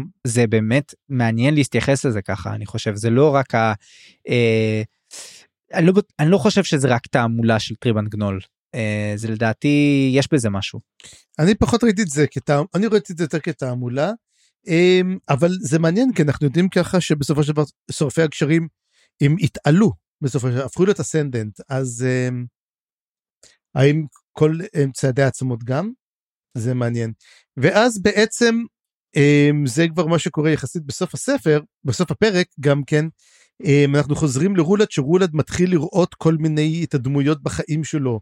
הוא רואה את מעיין והוא רואה את פיר והוא רואה את טרל והוא רואה אותם והם מטיחים וניסל. בו... מה? וניסל. וניסל, אני חושב גם בינדס, הוא רואה אותם, והם די מטיחים בו האשמות מאוד מאוד קשות, והוא משתגע, והוא לא יודע מה לעשות, הוא ממש ממש די מתחרפן, ואז מגיע אותו אה, שליח ואומר, אוי, הממלכה מתאבלת, ריבנגנול כל כך עצוב, לא קמה המיטה. ומה מתברר? מתברר שהשומר שכח, קצת כמו במקרה של אפשטיין, סליחה, אבל שכח לראות מה קורה עם אותו תא במשך שבוע, וכשהם הגיעו ברור שפשוט כל התא הזה הוצף, והשרשראות היו מאוד אדוקות, והם לא הצליחו ולמעשה גם ההורים, גם תומאס סינגר, גם אורוס סינגר, וגם כל הספיקים שהיו שם, כולם מתו. ו... ויש לי עוד תיאוריה, אבל ספרי. לא, זו תיאוריה שאני חושב שאנחנו, על מי שאנחנו הולכים לדבר עוד מעט אה. גם כן, סבבה. על uh, מכשפת הנוצה, וזו תיאוריה נהדרת, כן. ויש סיכוי שהיא נכונה. אנחנו נדבר על זה באמת שנדבר עליה. ורק אני רוצה ל- ל- ל- לחדד פה כשהוא מק- מקבל את הידיעה לפני הסצנה שאנחנו רואים אותו בסוף זאת אומרת כשהוא כבר מדבר בראש שלו עם כולם זה כבר אחרי שהוא קיבל את הידיעה וכשהוא מגיע לראות את ההורים שלו אז הוא רואה אותם ככבר טבועים. אה, וזה סצנה כל כך כל כך קריפית וחזקה ועוצמתית מאוד אני אני ממש ממש אהבתי אותה.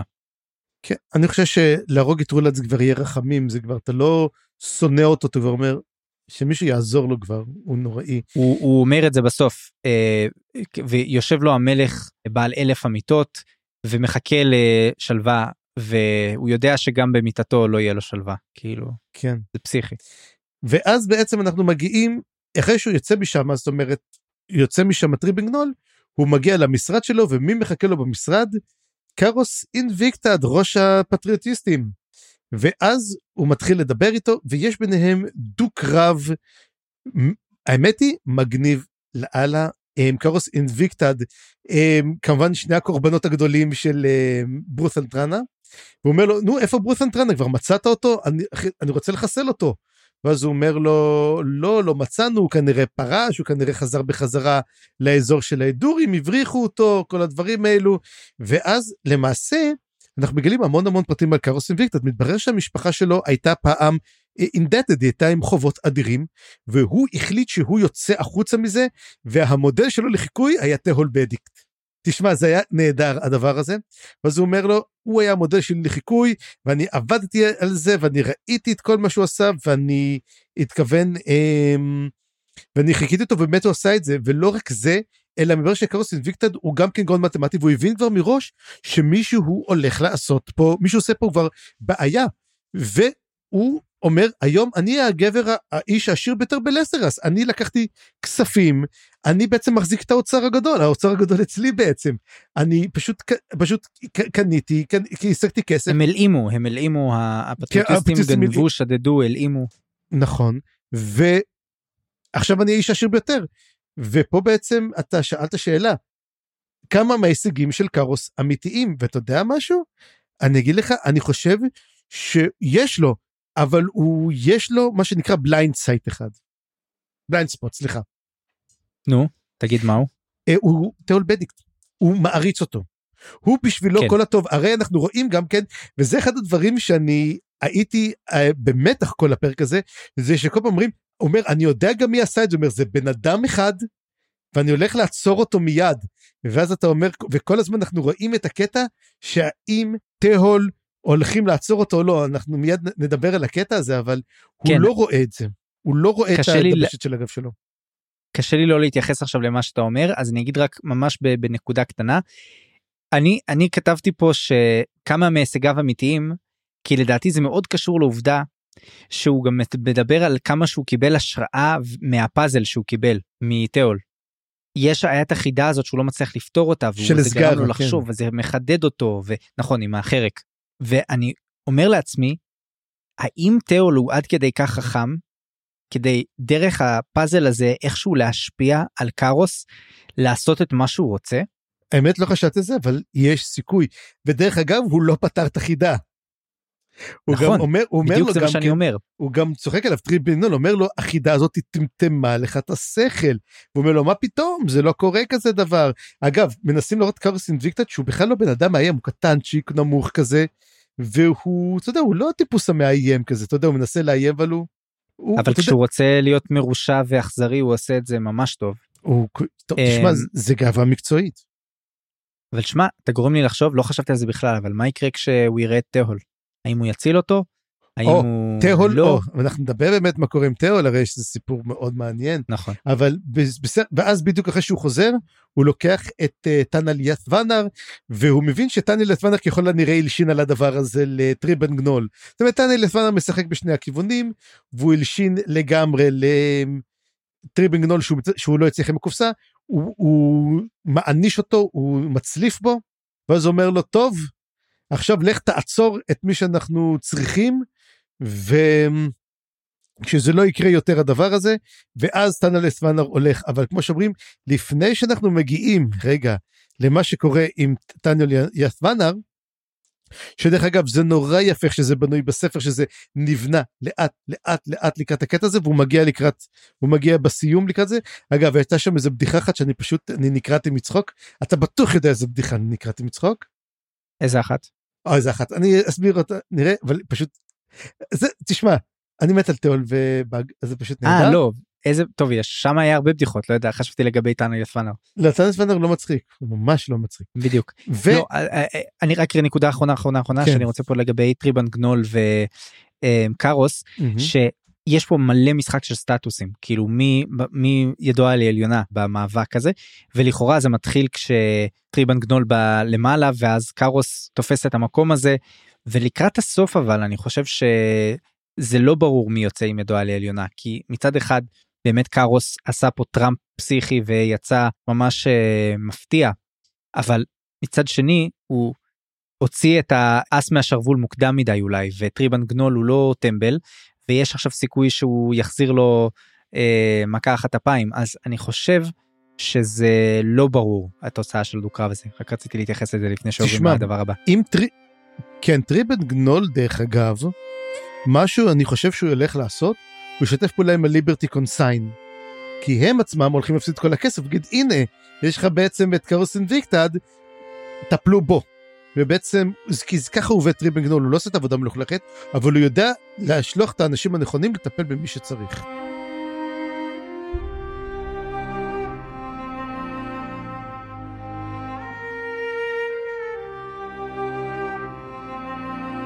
ונעבור בעצם לתוכניות הזדוניות של מכשפת נוצה וטורודל בריזד שהפך להיות אודין. אמ, היא הרי תלשה לו את העין ואכלה לו אותה, אז עכשיו הוא חד עין. והוא הולך למטה והם מוצאים בעצם אה, מקדש ישן ישן של אה, מייל מתחת לבית של גרון אבריקט. שהוא לא ידע מזה, אתה יודע, וזה היה מוזר כזה, איך גרון אבריקט לא ידע שהיה לו מקדש מתחת לבית? הוא מתייחס לזה הוא אומר אם הוא היה ממנה איזשהו סיר הוא יכול היה אה, אה, להגיד לו את זה ואז הוא היה אולי לא מת. אה, על ידי חצי טרסנל כזה שהיה שם. ו... טוב, באמת המוות של גורן אברט די אנטי קליימקטי. והם הולכים למטה והיא בעצם הציפה את כל המרתף, את כל האזור הזה שם. רגע רגע רגע רגע אתה איחדת פה שני מקומות שונים אה, איחדתי שני שנים. כן מה שבהתחלה זה המקדש החדש שהיא הקימה בשבילו. שהוא ב, ב, באמת ב- באגף החמישי אה, נכון, המקדש שלו, סליחה, סליחה, נכון.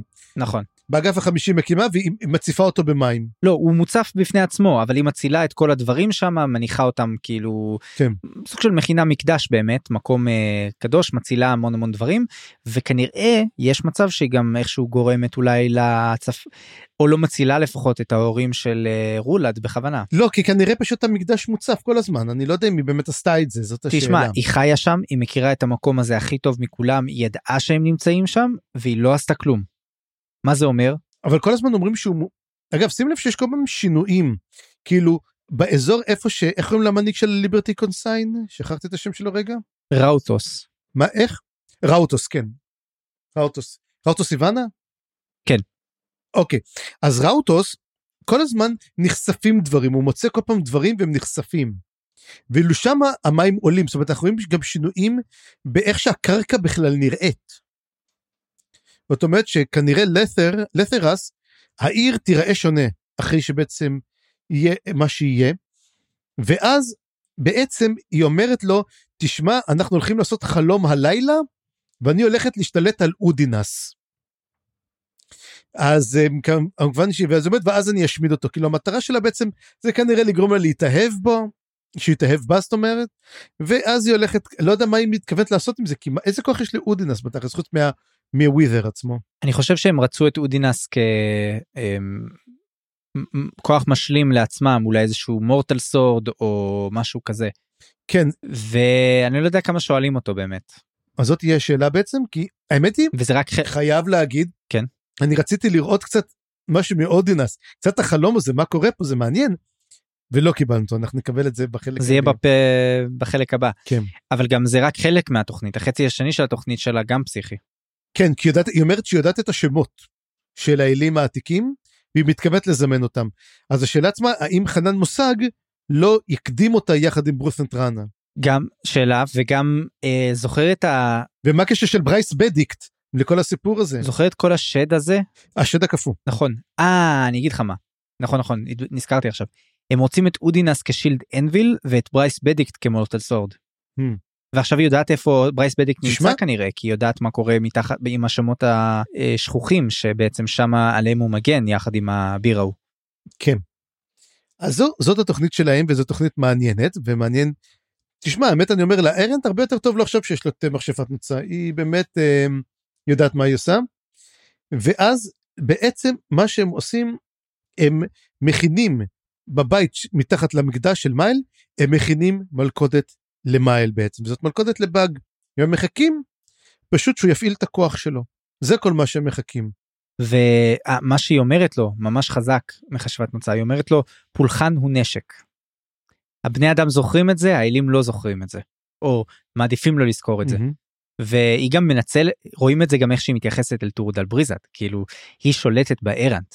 היא גם נותנת לו את הכוח שלו זאת אומרת הוא זקוק לה בשביל הכוח שלו. הוא אומר היא נתנה לי מספיק כוח בשביל זה.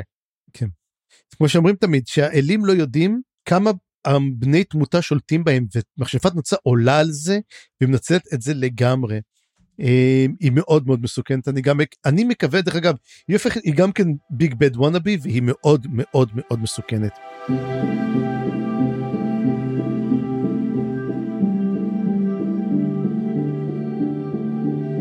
ובאמת נקדת פה האם סופם של באג וטהול ושאלה טובה שאלה מאוד מאוד טובה וכנראה התשובה היא כן.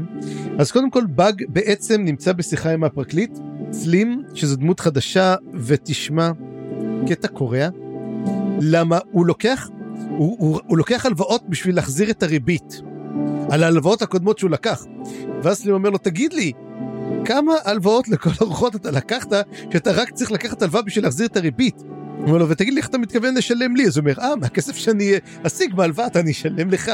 כאילו ממש תוכנית פירמידת פונזי הכי גרועה שאני ראיתי. יותר גרוע העורך דין הזה הוא לוקח את המשכורת שלו פר מילים שהוא משתמש בהם. כן. אז באג והוא כל הזמן גורמים אחד לשני להגיד יותר ויותר מילים עד שהוא קולט שזה לא לטובתו הדבר הזה זה רק מגדיל את, ה... כן. את הבלנס שהוא חייב לו. אה, זה פשוט נפלא. ואז הוא אומר לו תגיד לי כמה כסף יש לך אז הוא אומר יש לי שתי מטבעות אבל אין לי למה שברתי אחת מהם כי אני צריך לספור הוא אומר אבל אתה קרח הוא אומר מה זה שערות אף שערות אוזניים משהו צריך לקצץ אתה יודע צריך לראות יפה שאתה בא לבנק.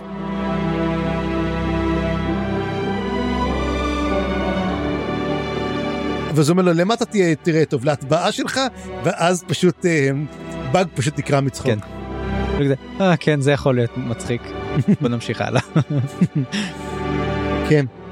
וזהו זה ואז אה, רגע רגע סליחה סליחה סליחה אני אה, רואה פה שכתבתי עוד כמה דברים. אה, דבר ראשון אפשר לראות בשיחה הזאת בעצם את האבן הדומינו הר- דומינו הראשונה שמופלת בעצם. פה פתאום הבלוף הגדול אה, נפתח.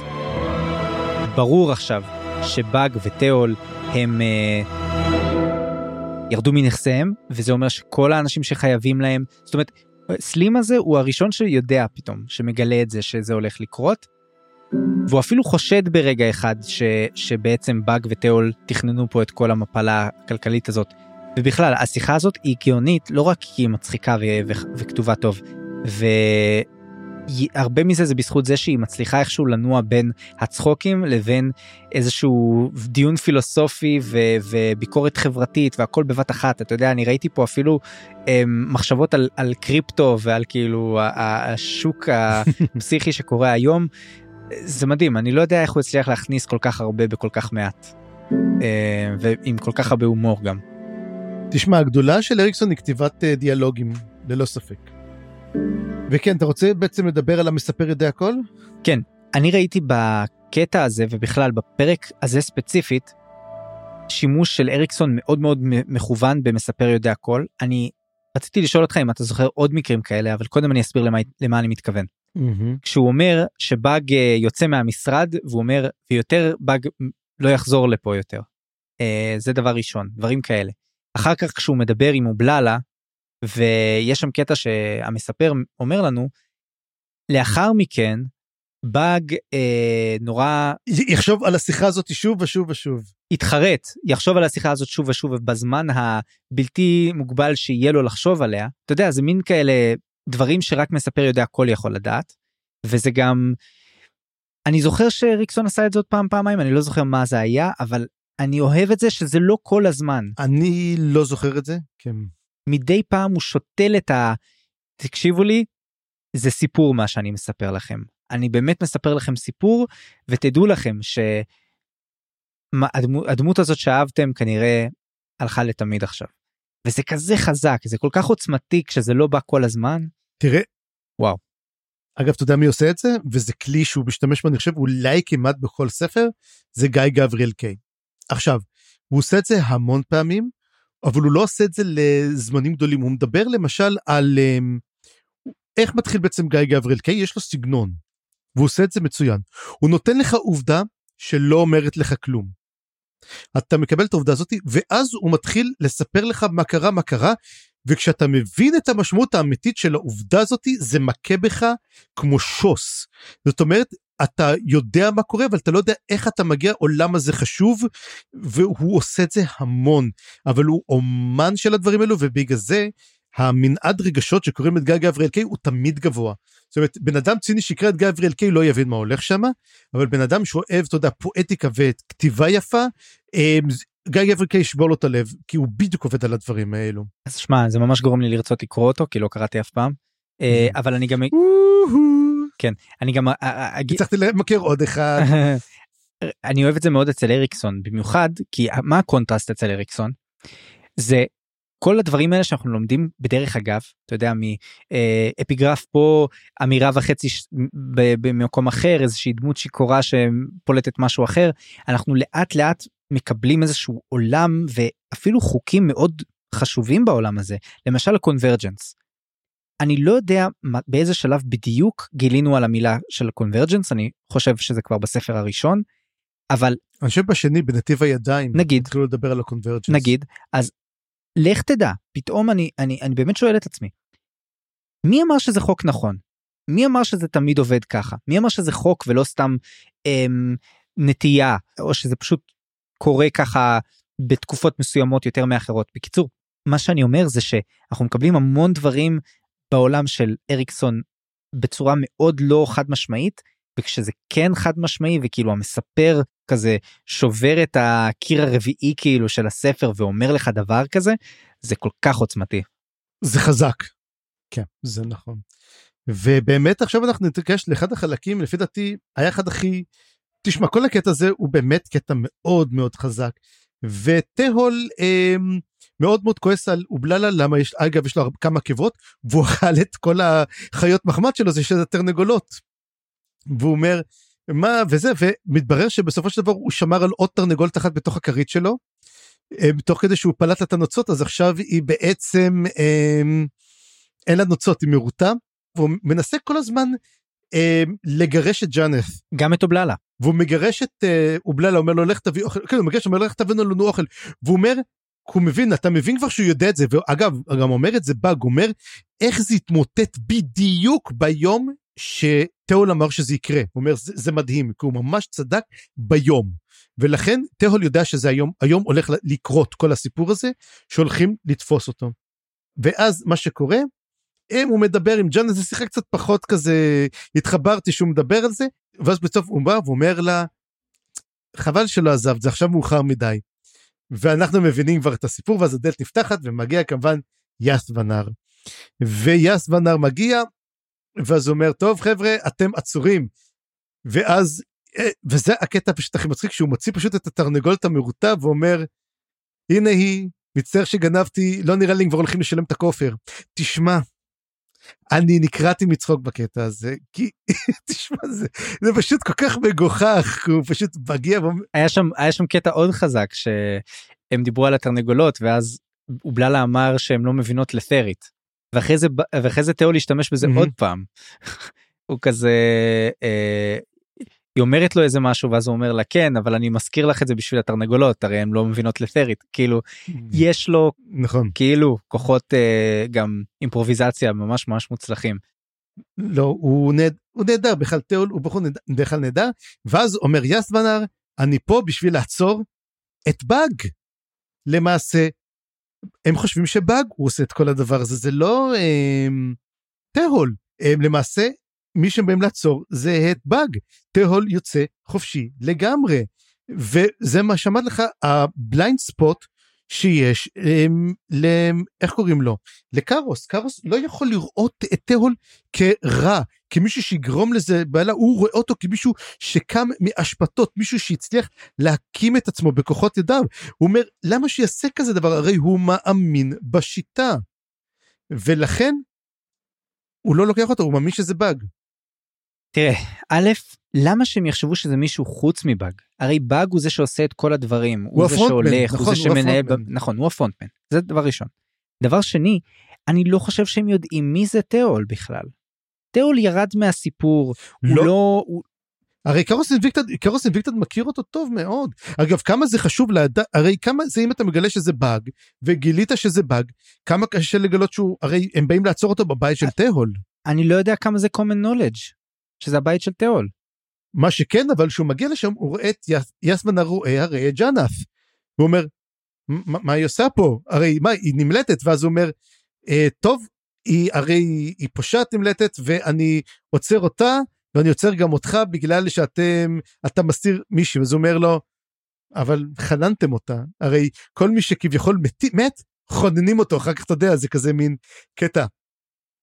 כאילו, בדקנו ואכן הוא מת, אבל חננו אותו כ... אתה יודע, לאחר מותו. אז הוא אומר לה, הרי היא זה, ואז אני לא הסתרתי אף אחד, אז לא צריך לעצור אותנו. אז הוא אומר, אלו פשעים שאנחנו נבדוק את זה כמובן במרתפי העינויים שלנו, כמובן אחרי שתחתמו על וידוי, ואז הוא אומר לו, ואם אתה מוצא את באג, תגיד לו שהוא מפוטר, אני לא מוכן שיהיו אצלי פושעים בבית. כאילו, הוא משחק על הסיפור הזה גם כן, אבל בסופו של דבר כן עוצרים אותם. וכשמגיע באג, אמ, לשם הוא מבין שהוא איחר, וכנראה בכוונת שלח אותו לעשות את כל הדברים האלו כדי שיאחר, ויש את הפרה הזאת שהוא מנסה להכניס אותה, מין, הוא מצא איזה פרה והוא גורר אותה לתוך הבית, והוא לא מצליח, אז הוא אומר לו, אתה צריך די לשחוט אותה פה בחוץ, את הפרה הזאת, איך אתה תוכל להכניס אותה פנימה, ואז בעצם, כמו אמרנו, אותו רגע חרטה, שהוא אומר לבאג, אמ, בלל אומר לו, לאיפה לקחו אותם? ואז הוא אומר לו, כאילו חושב, והוא לא אומר לו לאיפה לקחו אותם. ואז אנחנו מורידים את השאלה, אולי הוא כן היה צריך להגיד לו, וזה אומר שיש סיכוי שתיאול לא שורד את הספר. וזה הפחד הגדול שלי בעצם מהדבר הזה. כן תשמע אני אהיה רגע נביא זעם הפעם ולדעתי גם אנחנו הולכים לאבד את שניהם בעצם. למה אתה הייטר? באג לא סתם אני צוחק. אני, אני לא I'm learning from the best uh, אבל אני אגיד לך מה תיאול זה קצת יותר עצוב מבאג. באג א' לא מת באמת למרות שהוא כנראה הולך להיות לחוד לזמן לא ברור. תיאול זה סוג של תמימות כזאת אתה מבין הוא עד הרגע האחרון הוא כאילו מתבדח ויש עוד סיכוי שלו אתה לא חושב שיקרה לו משהו אף פעם. Um, אני חושב שלא היה רגע אחד אולי איזה אחד או שניים בספרים עד כה שבאמת חששתי לחייו. כי הוא סוג של דמות קומית כזאת אתה מבין בקומדיה הגיבור לא יכול למות מזה שהוא מחליק על הבננה ונופל מהבניין אתה מבין הוא, הוא חייב איכשהו לשרוד בצורה מדהימה ואני רוצה לומר את זה ככה אם אריקסון באמת ירצה לשבור אותנו אז הוא גם ישבור לפני זה את תיאול. ואם הוא יעשה את זה אז זה באמת הולך להיות קשה. אבל אם הוא סתם הולך למות מה...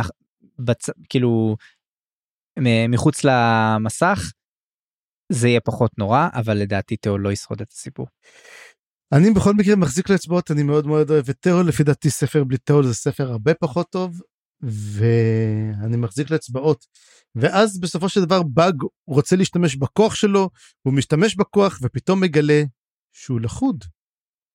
כי המלכודת של ארן ומכשפת נוצה פשוט הופעלה, ואז באג לא יכול לעשות כלום בשביל להציל את תיאול. והוא לא יכול לטפל בזה כלום, והוא לא שלח את אובללה, ולמעשה אף אחד לא יודע מה קרה לתיאול ולג'אנס ורק הם יודעים מה לעשות, מה שאומר אוי ויי. הסיכוי היחיד זה באמת מה שעלה לי תוך כדי שדיברת על קארוס זה יש סיכוי קטן אולי שקארוס איכשהו יכון אותו. אה, אבל אה, רוב הסיכויים שיקרה ההפך הוא יראה את תיאול ויבין שהוא עמד מאחורי כל הסיפור. או שהוא פשוט יפתור לו את החידה תוך כן. שנייה. הוא יגיד לו אני עשיתי את החידה והוא והוא שיגיד לו פשוט דבר אחד אי אפשר לפתור את החידה. וברגע שימות אותו אסגרה יגיד לו. כן, יש חידות שאי אפשר לפתור יש דברים שאי אפשר לעצור אותם.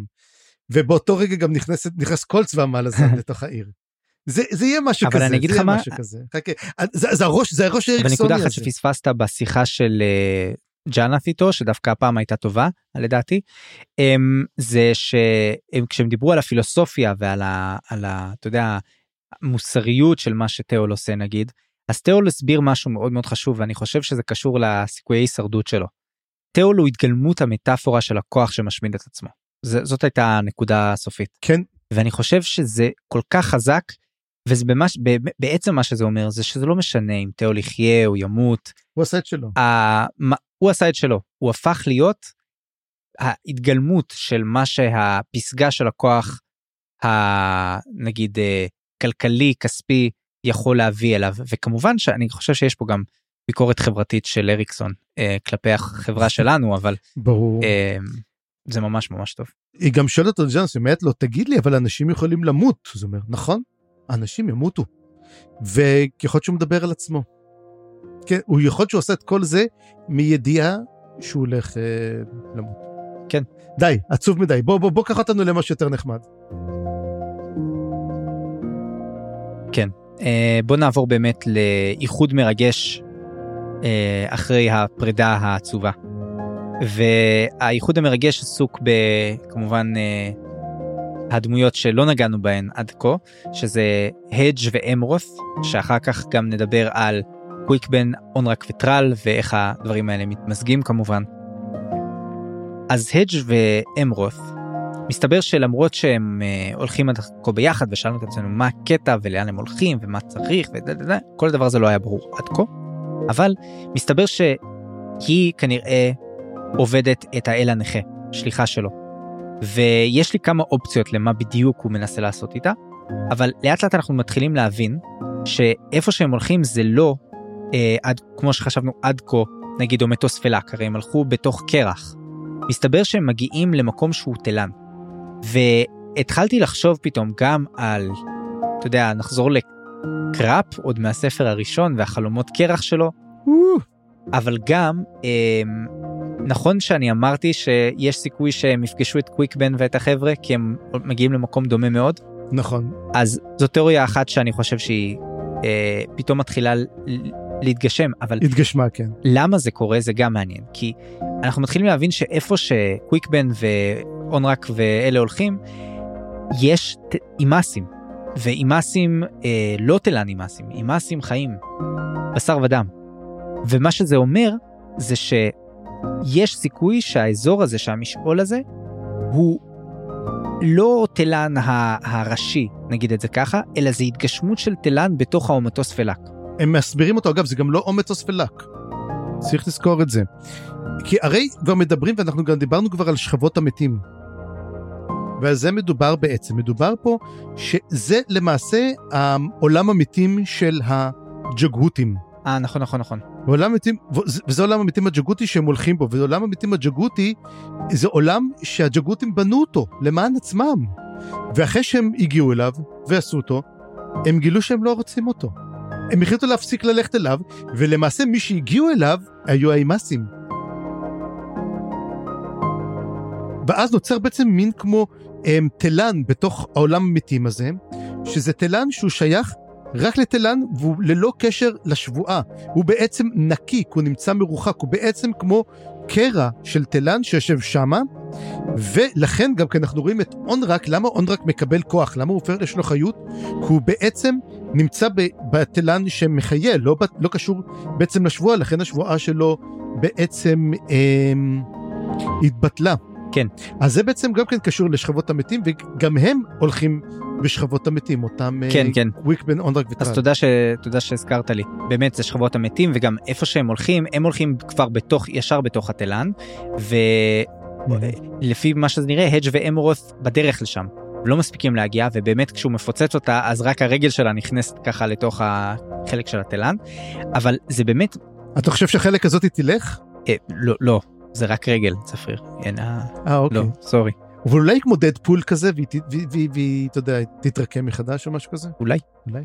Um, בכל מקרה מה האל הנכה שלח אותה לעשות אז נראה לי יש פה כמה אופציות ותוך כדי הדיבורים שלהם חשבתי עליהם אז דבר ראשון יש את האימאסים האלה אז יכול להיות שהיא נשלחת בעצם בשביל לגייס אותם לאל הנכה אני לא יודע בדיוק מה הוא רוצה מהם אבל יכול להיות שזה עניין אחד דבר שני זה להגיע לאיזשהו כס שנמצא שם הם מזכירים את כס הקרח לכן אני גם חשבתי על אומטוס פלאק אבל מהמם. יכול להיות שזה משהו אחר. Um, לחפש את בני עמה ברפיוג'יום אותו אותו רפיוג'יום זה מה שאמרתי. להגיע לסטאר ולדמליין כן. שיש שם כנראה אה, זה זה. גבול זה, שלו. זה. אני חושב שזה זה ואני חושב שגם הדג' חושב את זה. כן זה מה שהדג' חושד. ובעצם לעשות משהו למשעולים. השאלה לדעתי זה באמת ה- מה שהדג' אומר זה כנראה זה אבל איך הדג' יודע את זה אולי זה באמת מה שהוא אומר שאחרי שאחרי המוות פתאום הוא מגלה כל מיני דברים מהמם. אבל עכשיו תש, תשמע כל הקטע שהדג' יש לו עכשיו גוף זה קטע מה זה מוזר מהמם. ויש לי פה אפילו תיאוריה. אבל לפני שנגיע לתיאוריה הזאת אני אזכיר כמה דברים עוד שהם אה, אמרו פה בשיחות ביניהם כי זה היה באמת מרתק לפני שהוא פיצץ אותה. זה א' האם הגשמת הרצון פועלת לשני הכיוונים זאת אומרת הרי הוא אומר כל הזמן שהוא יש לו גוף בגלל ה- הכוח הרצון החזק שלו וגם אמרנו שזה אחד Mhm. מהדברים שיכולים להפוך לנשגבים. אבל אנחנו יודעים שמה שמחזיק את. אמ, שורפי הגשרים זה כנראה שירת הטאנו. זה כנראה מה שהפך אותם מהמם. לנשגבים. אז נשאלת פה השאלה, האם זה בכל זאת מסתמך גם על כוח הרצון החזק שלהם, או שאולי ספציפית הדג' הוא מיוחד יותר משאר אה, שורפי הגשרים. יכול להיות שהם פועלים דרכו או הנשגבות פועלת בתוכו בצורה אחרת בגלל שיש לו גם את כוח הרצון הפסיכי שלו. זה יכול להיות, זה יכול להיות שפשוט הוא, אתה יודע, הוא היה בן אדם רגיל לפני זה, ברגע שהם הפכו את כולם לנשגבים, הוא גם ראינו אותו גם לפני כן, הוא גם כן היה מגיע מדי פעם, הוא גם כן, הוא לא כל כך קיבל את המוות שלו. כן. אז הוא די התרחק מכל הדבר הזה, ולכן הוא מנסה להתרחק, ולכן, אגב, זאת, אגב, אני חושב שהוא גם מסוגל להגשים את עצמו לא בגלל זה, אלא בגלל שנמצא בעולם המתים, ובעולם המתים יש לו את היכולת או את הכוח. אז אני לא חושב שלמשל בעולם המלזני, מחוץ לכל המשעולים, הוא מסוגל להתגשם ביותר- כיותר מזה. אז זאת גם שאלה כמובן אבל אני רוצה גם לומר שהם הם הביאו את השאלה הזאת באמת לג'גותים כמו שאמרת הג'גותים הפסיקו להאמין בנשמות שלהם. ובאמת הפסיקו להיות להם נשמות כאילו האם לכוח הגשמה של הרצון הזה יש כוח גם להעלים דברים קיימים זאת אומרת אם תפסיק לרצות אני, אותו אני לא בטוח אם. כן, אני לא חושב אם העלימו, הם פשוט לא נמצאים שם, אבל הם צריכים להגיע לאיפה שיכול להיות שהם בממלכה של הוד עכשיו. לא יודע זה מה שאמרוס אמרה אה, שהם הפסיקו להאמין בנשמות ולכן אין להם נשמות. ולכן גם הם לא היו צריכים כן, את זה- העולם מתים נשמע- שלהם. כן, זה נשמע כמו פרופגנדה נורא מעשית, סליחה. יכול להיות יכול להיות. ועוד דבר נוסף זה שכשהדג' מפוצץ אותה אז הוא משתמש בקאסר שיש עליו עכשיו הקאסר הזה הוא גם יציר רצונו. אה, לכאורה יש עליו אה, את הקאסר והקאסר הזה יש לו יכולת לפוצץ את אמרות לחתיכות. ועוד דבר הוא הרי מפוצץ גם את הדג' אבל הפעם להדג' נכון. יש יכולת ל... כמו שאמרת דדפול זה הדג' אוקיי קונפירמד מהמם. אז הוא מרפא את עצמו חזרה. ואני אומר זה בערך כנראה הדבר הכי OP שראינו עד כה. זה סאפר מלזני שיכול לייצר קאסרים מהאוויר לפוצץ את עצמו איתם ולא למות. ולא למות. תגיד לי ש... אבל אולי הוא יכול, זה רק במ- הוא יכול לעשות את זה רק במקרים, או שיש לו את ה, מה שנקרא את ה-conviction. זה אחד הדברים שצריך לזכור, זה כוח הרצון. לא תמיד אתה, יש לך את הכוח רצון לעשות משהו, והוא הבין שאמרות היא של האל הנכה, ואז לכן הוא השמיד אותה, אומר, אוקיי, זה מסוכן, אני כן יכול לעשות את זה. אבל um, הדג' הוא לא כזה צמא דם, הוא אוהב לפוצץ דברים, אבל הוא שמע לא זה כזה. conviction חזק ה conviction של סאפר לפוצץ דברים ובמיוחד אצל הדג' אני חושב שזה conviction חזק מספיק בשביל לייצר לו cusser מתי שהוא ירצה. טוב נראה נראה אני אומר אה, אני, אני אומר שאנחנו נראה את הדג' נלחם באנומנדר רייק ולראות מי יותר badass לא, אנומנדר די קורע את כולה, כל מי שאנחנו כן? מדברים. לא מישהו שהוא לא יכול להרוג ושיכול לייצר cusser ים משום מקום ולפוצץ אותו. אני אומר לך זה הדבר הכי OP שראינו עד כה יותר מ, יותר מקרסה יותר מאיקריום. אוקיי. אה, נעבור ל... תשמע, אנחנו, בוא נעשה פה shipping גם כן, בוא נשים את הדג' יחד עם אנומנדר וזהו זה. טוב תראה. אז יש לנו את קוויקבן, אונרק וטרל שממשיכים במסע שלהם בדיוק במקום לא רחוק משם. וכמו שאמרתי יש סימנים של אימאסים אחרים באזור שכנראה בינתיים לא מתקרבים יש להם את גורי לבה כמו שאתה הצעת וצדקת אה, ויותר מזה אונרק הרג את האימא עשה ממ... פשט את הורה עשה ממנה שק ושם הוא שומר את הגורים פשוט מלבב. באופן אירוני מאוד. זה מתחבר לתמה כן. של המשפחות הארוסות שאתה דיברת עליה. אגב, אתה שם לב גם כן שהם הרי שומעים את הקאסר הזה, נכון? כן. זה מזכיר מאוד את מה שקורה עם המלזנים ששומעים גם כן את הקאסרים, זאת אומרת, קאסר הפך להיות, השם של הפרק זה הקאסר. אני אומר לך קאסר זה כמו מלזני שומע קאסר הוא, הוא מיד מחייך הוא כאילו רק אומר לעצמו "מ, זה, זה, זה קולות של הבית. נשמע כמו בית. ואנחנו רואים גם את המהלכים פה שקורים מבחינה חברתית שאונרק עד עכשיו הוא היה כזה עם חיוך מטומטם על הפרצוף ופתאום הוא מתחיל להרצין קצת ומתחיל להתחבר לצד העצוב והמלנכולי של מה שקרה לו הזיכרונות שהוא מתחיל להיזכר בהן. קוויקבן אומר לו תפסיק להיות כזה עם חיוך כל הזמן אתה צריך לתת לאנשים גם את היכולת להיות אמפתיים כלפיך ולא רק שמחים בשבילך. וחוץ מזה הוא גם מתחיל לאסוף צבעים כי הוא רוצה להתחיל לצייר שוב אז שאלתי פה שאלה קטנה מה מה הדבר הראשון שהוא הולך לצייר האם הוא הולך לצייר את קילבה האם הוא הולך הוא אמר לצייר את זה. Hmm? הוא אמר שהוא הולך לצייר את אהובתו. Hmm. אז אה, כן, כנראה זאת כלבה. כנראה זאת קילבה. שזה הדבר שעשה את השבר הגדול מקודם אה, במיוחד בספר הרביעי אני חושב היה לנו את זה. עם אה, אה, דריז'נה. כן. ואנחנו ממשיכים להעמיק את הקשר בין ה... ביניהם תוך כדי שהם מספרים סיפורים אחד לשני הם כאילו אומרים טוב אני אספר את זה אני אספר את זה אני אספר על עצמי. וקוויקבן תוך כדי הסיפור נזכר שהוא הבטיח לוויסקי ג'ק משהו שהביא אותו כל הדרך לפה. אתה יודע על מה מדובר אני רק אני שכחתי מה הוא הבטיח לוויסקי ג'ק לא. הוא- לא יודע, לא יודע אם הוא הבטיח לו משהו, יכול להיות שהוא הבטיח לו משהו ואנחנו לא שמענו אותו. בדיוק אז אני הרבה. אני רוצה להגיד אם פספסנו את זה אם מישהו יודע מה הבטיח וויסקי ג'ק ל... אה, סליחה לא מה- מי שקרא את כל הספרים. לא. מי שקרא את כל הספרים. אה, בבקשה תזכירו לנו זאת שאלה שמאוד מעניינת אותי ובוא נגיע באמת לסוף המרגש. אגב, מאוד- הסיפורים שמספרים הם, זה שטרל מספ... אומר, אני אספר מה קרה לי עם ארסל, שזה בעצם האונס שהוא עבר, וקוויקבן אומר, איך אני בעצם קיבלתי 12 נשמות, שזה המסע שלו בררקו. כן. אז מעניין. ובאמת המפגש שקורה בין קוויקבן להדג' מאוד מאוד נוגע ללב במיוחד כי אנחנו רואים אותו קצת מרחוק מהנקודה של טרל. וזה עוד יותר חזק שזה מגיע אחרי הטרגדיה של רולד שרולד אה, מגלה שההורים שלו מתו מהמם.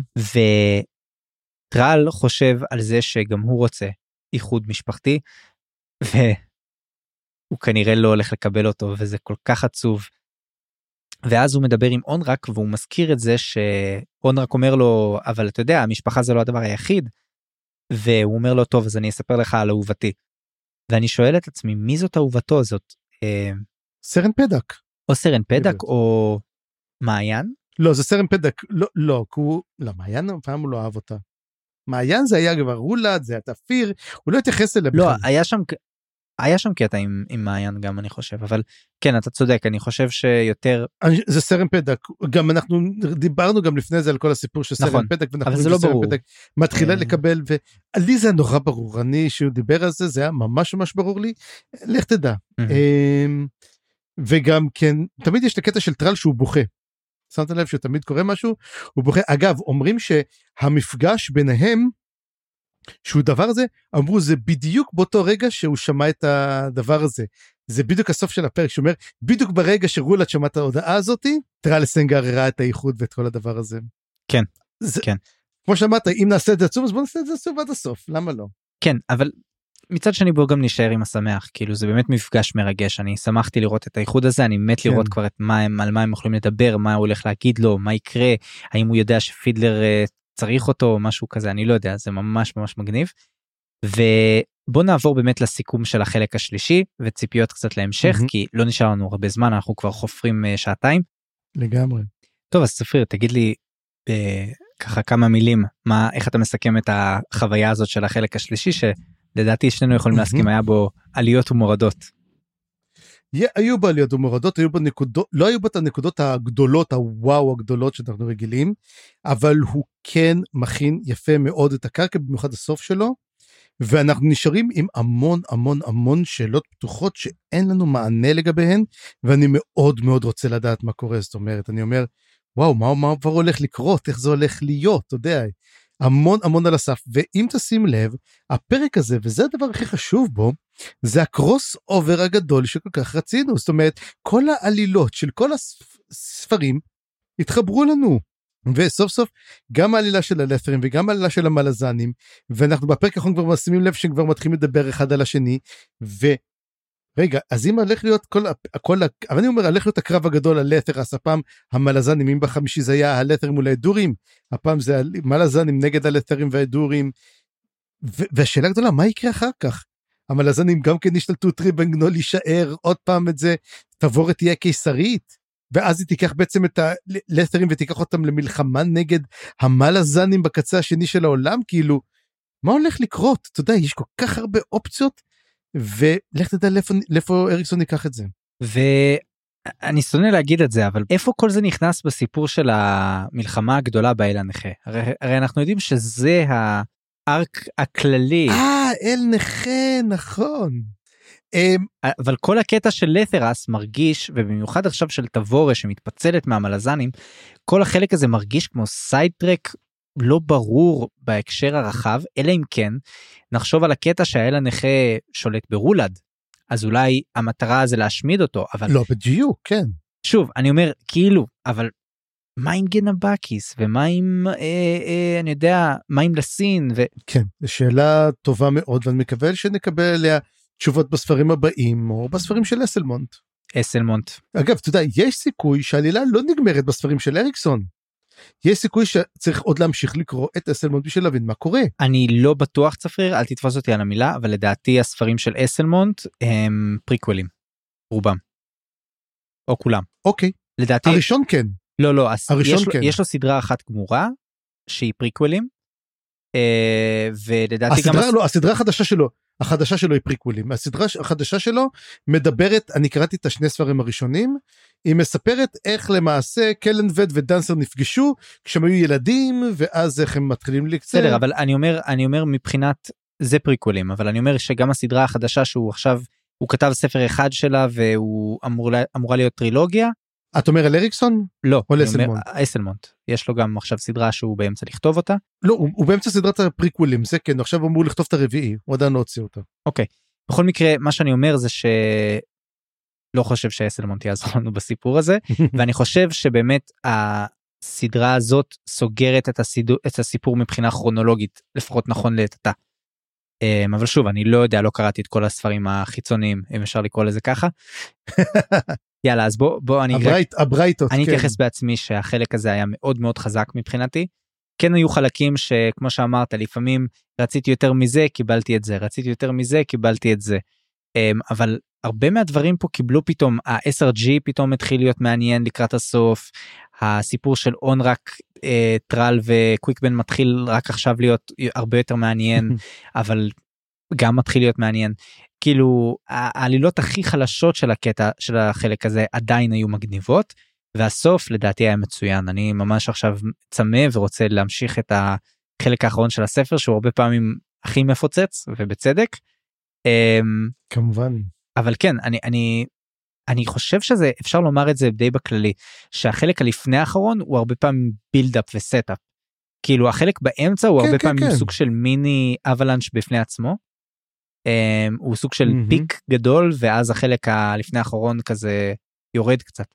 אז הרגשתי את זה אולי קצת אבל לא יודע אהבתי מאוד את החלק ואני מצפה שבחלק הבא אנחנו באמת נראה את ה payoff של כל הדברים האלה את הדו קרב של רולד ומי שזה לא יהיה ואת המלחמה של המלזנים אולי אולי מפגש של עוד שורפי גשרים בינם לבין עצמם מהמם. המון דברים שאני מצ... מת לראות אותם אה ואולי Redmask נכנס איכשהו לסיפור מהמם.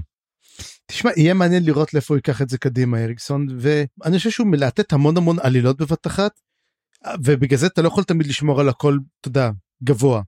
זה עולה זה יורד בהתאם גם למבנה העלילתי עכשיו הכל מתחבר ובאמת יהיה לנו פה אריקסן לאנץ' ואני תמיד אומר את זה ואני תמיד אגיד את זה איך אני יודע שזה טוב שאני כבר מת כבר להתחיל לקרוא כבר הנה אני עכשיו הולך ככה לשבת ככה אני הולך לקרוא את הפרק הבא. כן אמא יפתח לנו מלאזן לשבת. ובזמן שאנחנו הולכים uh, לקרוא את הפרקים הבאים uh, אנחנו נשמח שאתם uh, תאזינו לנו ותספרו לנו איך היה לכם מה אהבתם מה פחות גם בחלק הזה וזהו לעת עתה.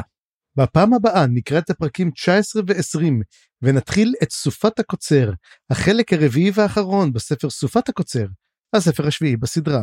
אני חיים גורוב גלברט. אני צפיר גרוסמן. בואו לערוץ הדיסקורד שלנו, נחמד שם, ונשמח אם תדרגו אותנו באפליקציית הפודקאסטים שבה האזנתם לנו. ואם בא לכם לתמוך במה שאנחנו עושים, אפשר לעשות זאת דרך פטריון, יש מלא דרגות תמיכה ותשורות מגניבות, וגם מטרות חדשות כי עברנו את מטרת העשר, פרטים בתיאור הפרק.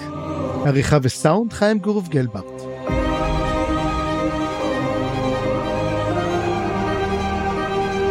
הצטרפו אלינו לדיונים בקבוצת הפייסבוק, מה לזן קבוצת קריאה. תודה שהאזנתם, וניפגש בפרק הבא.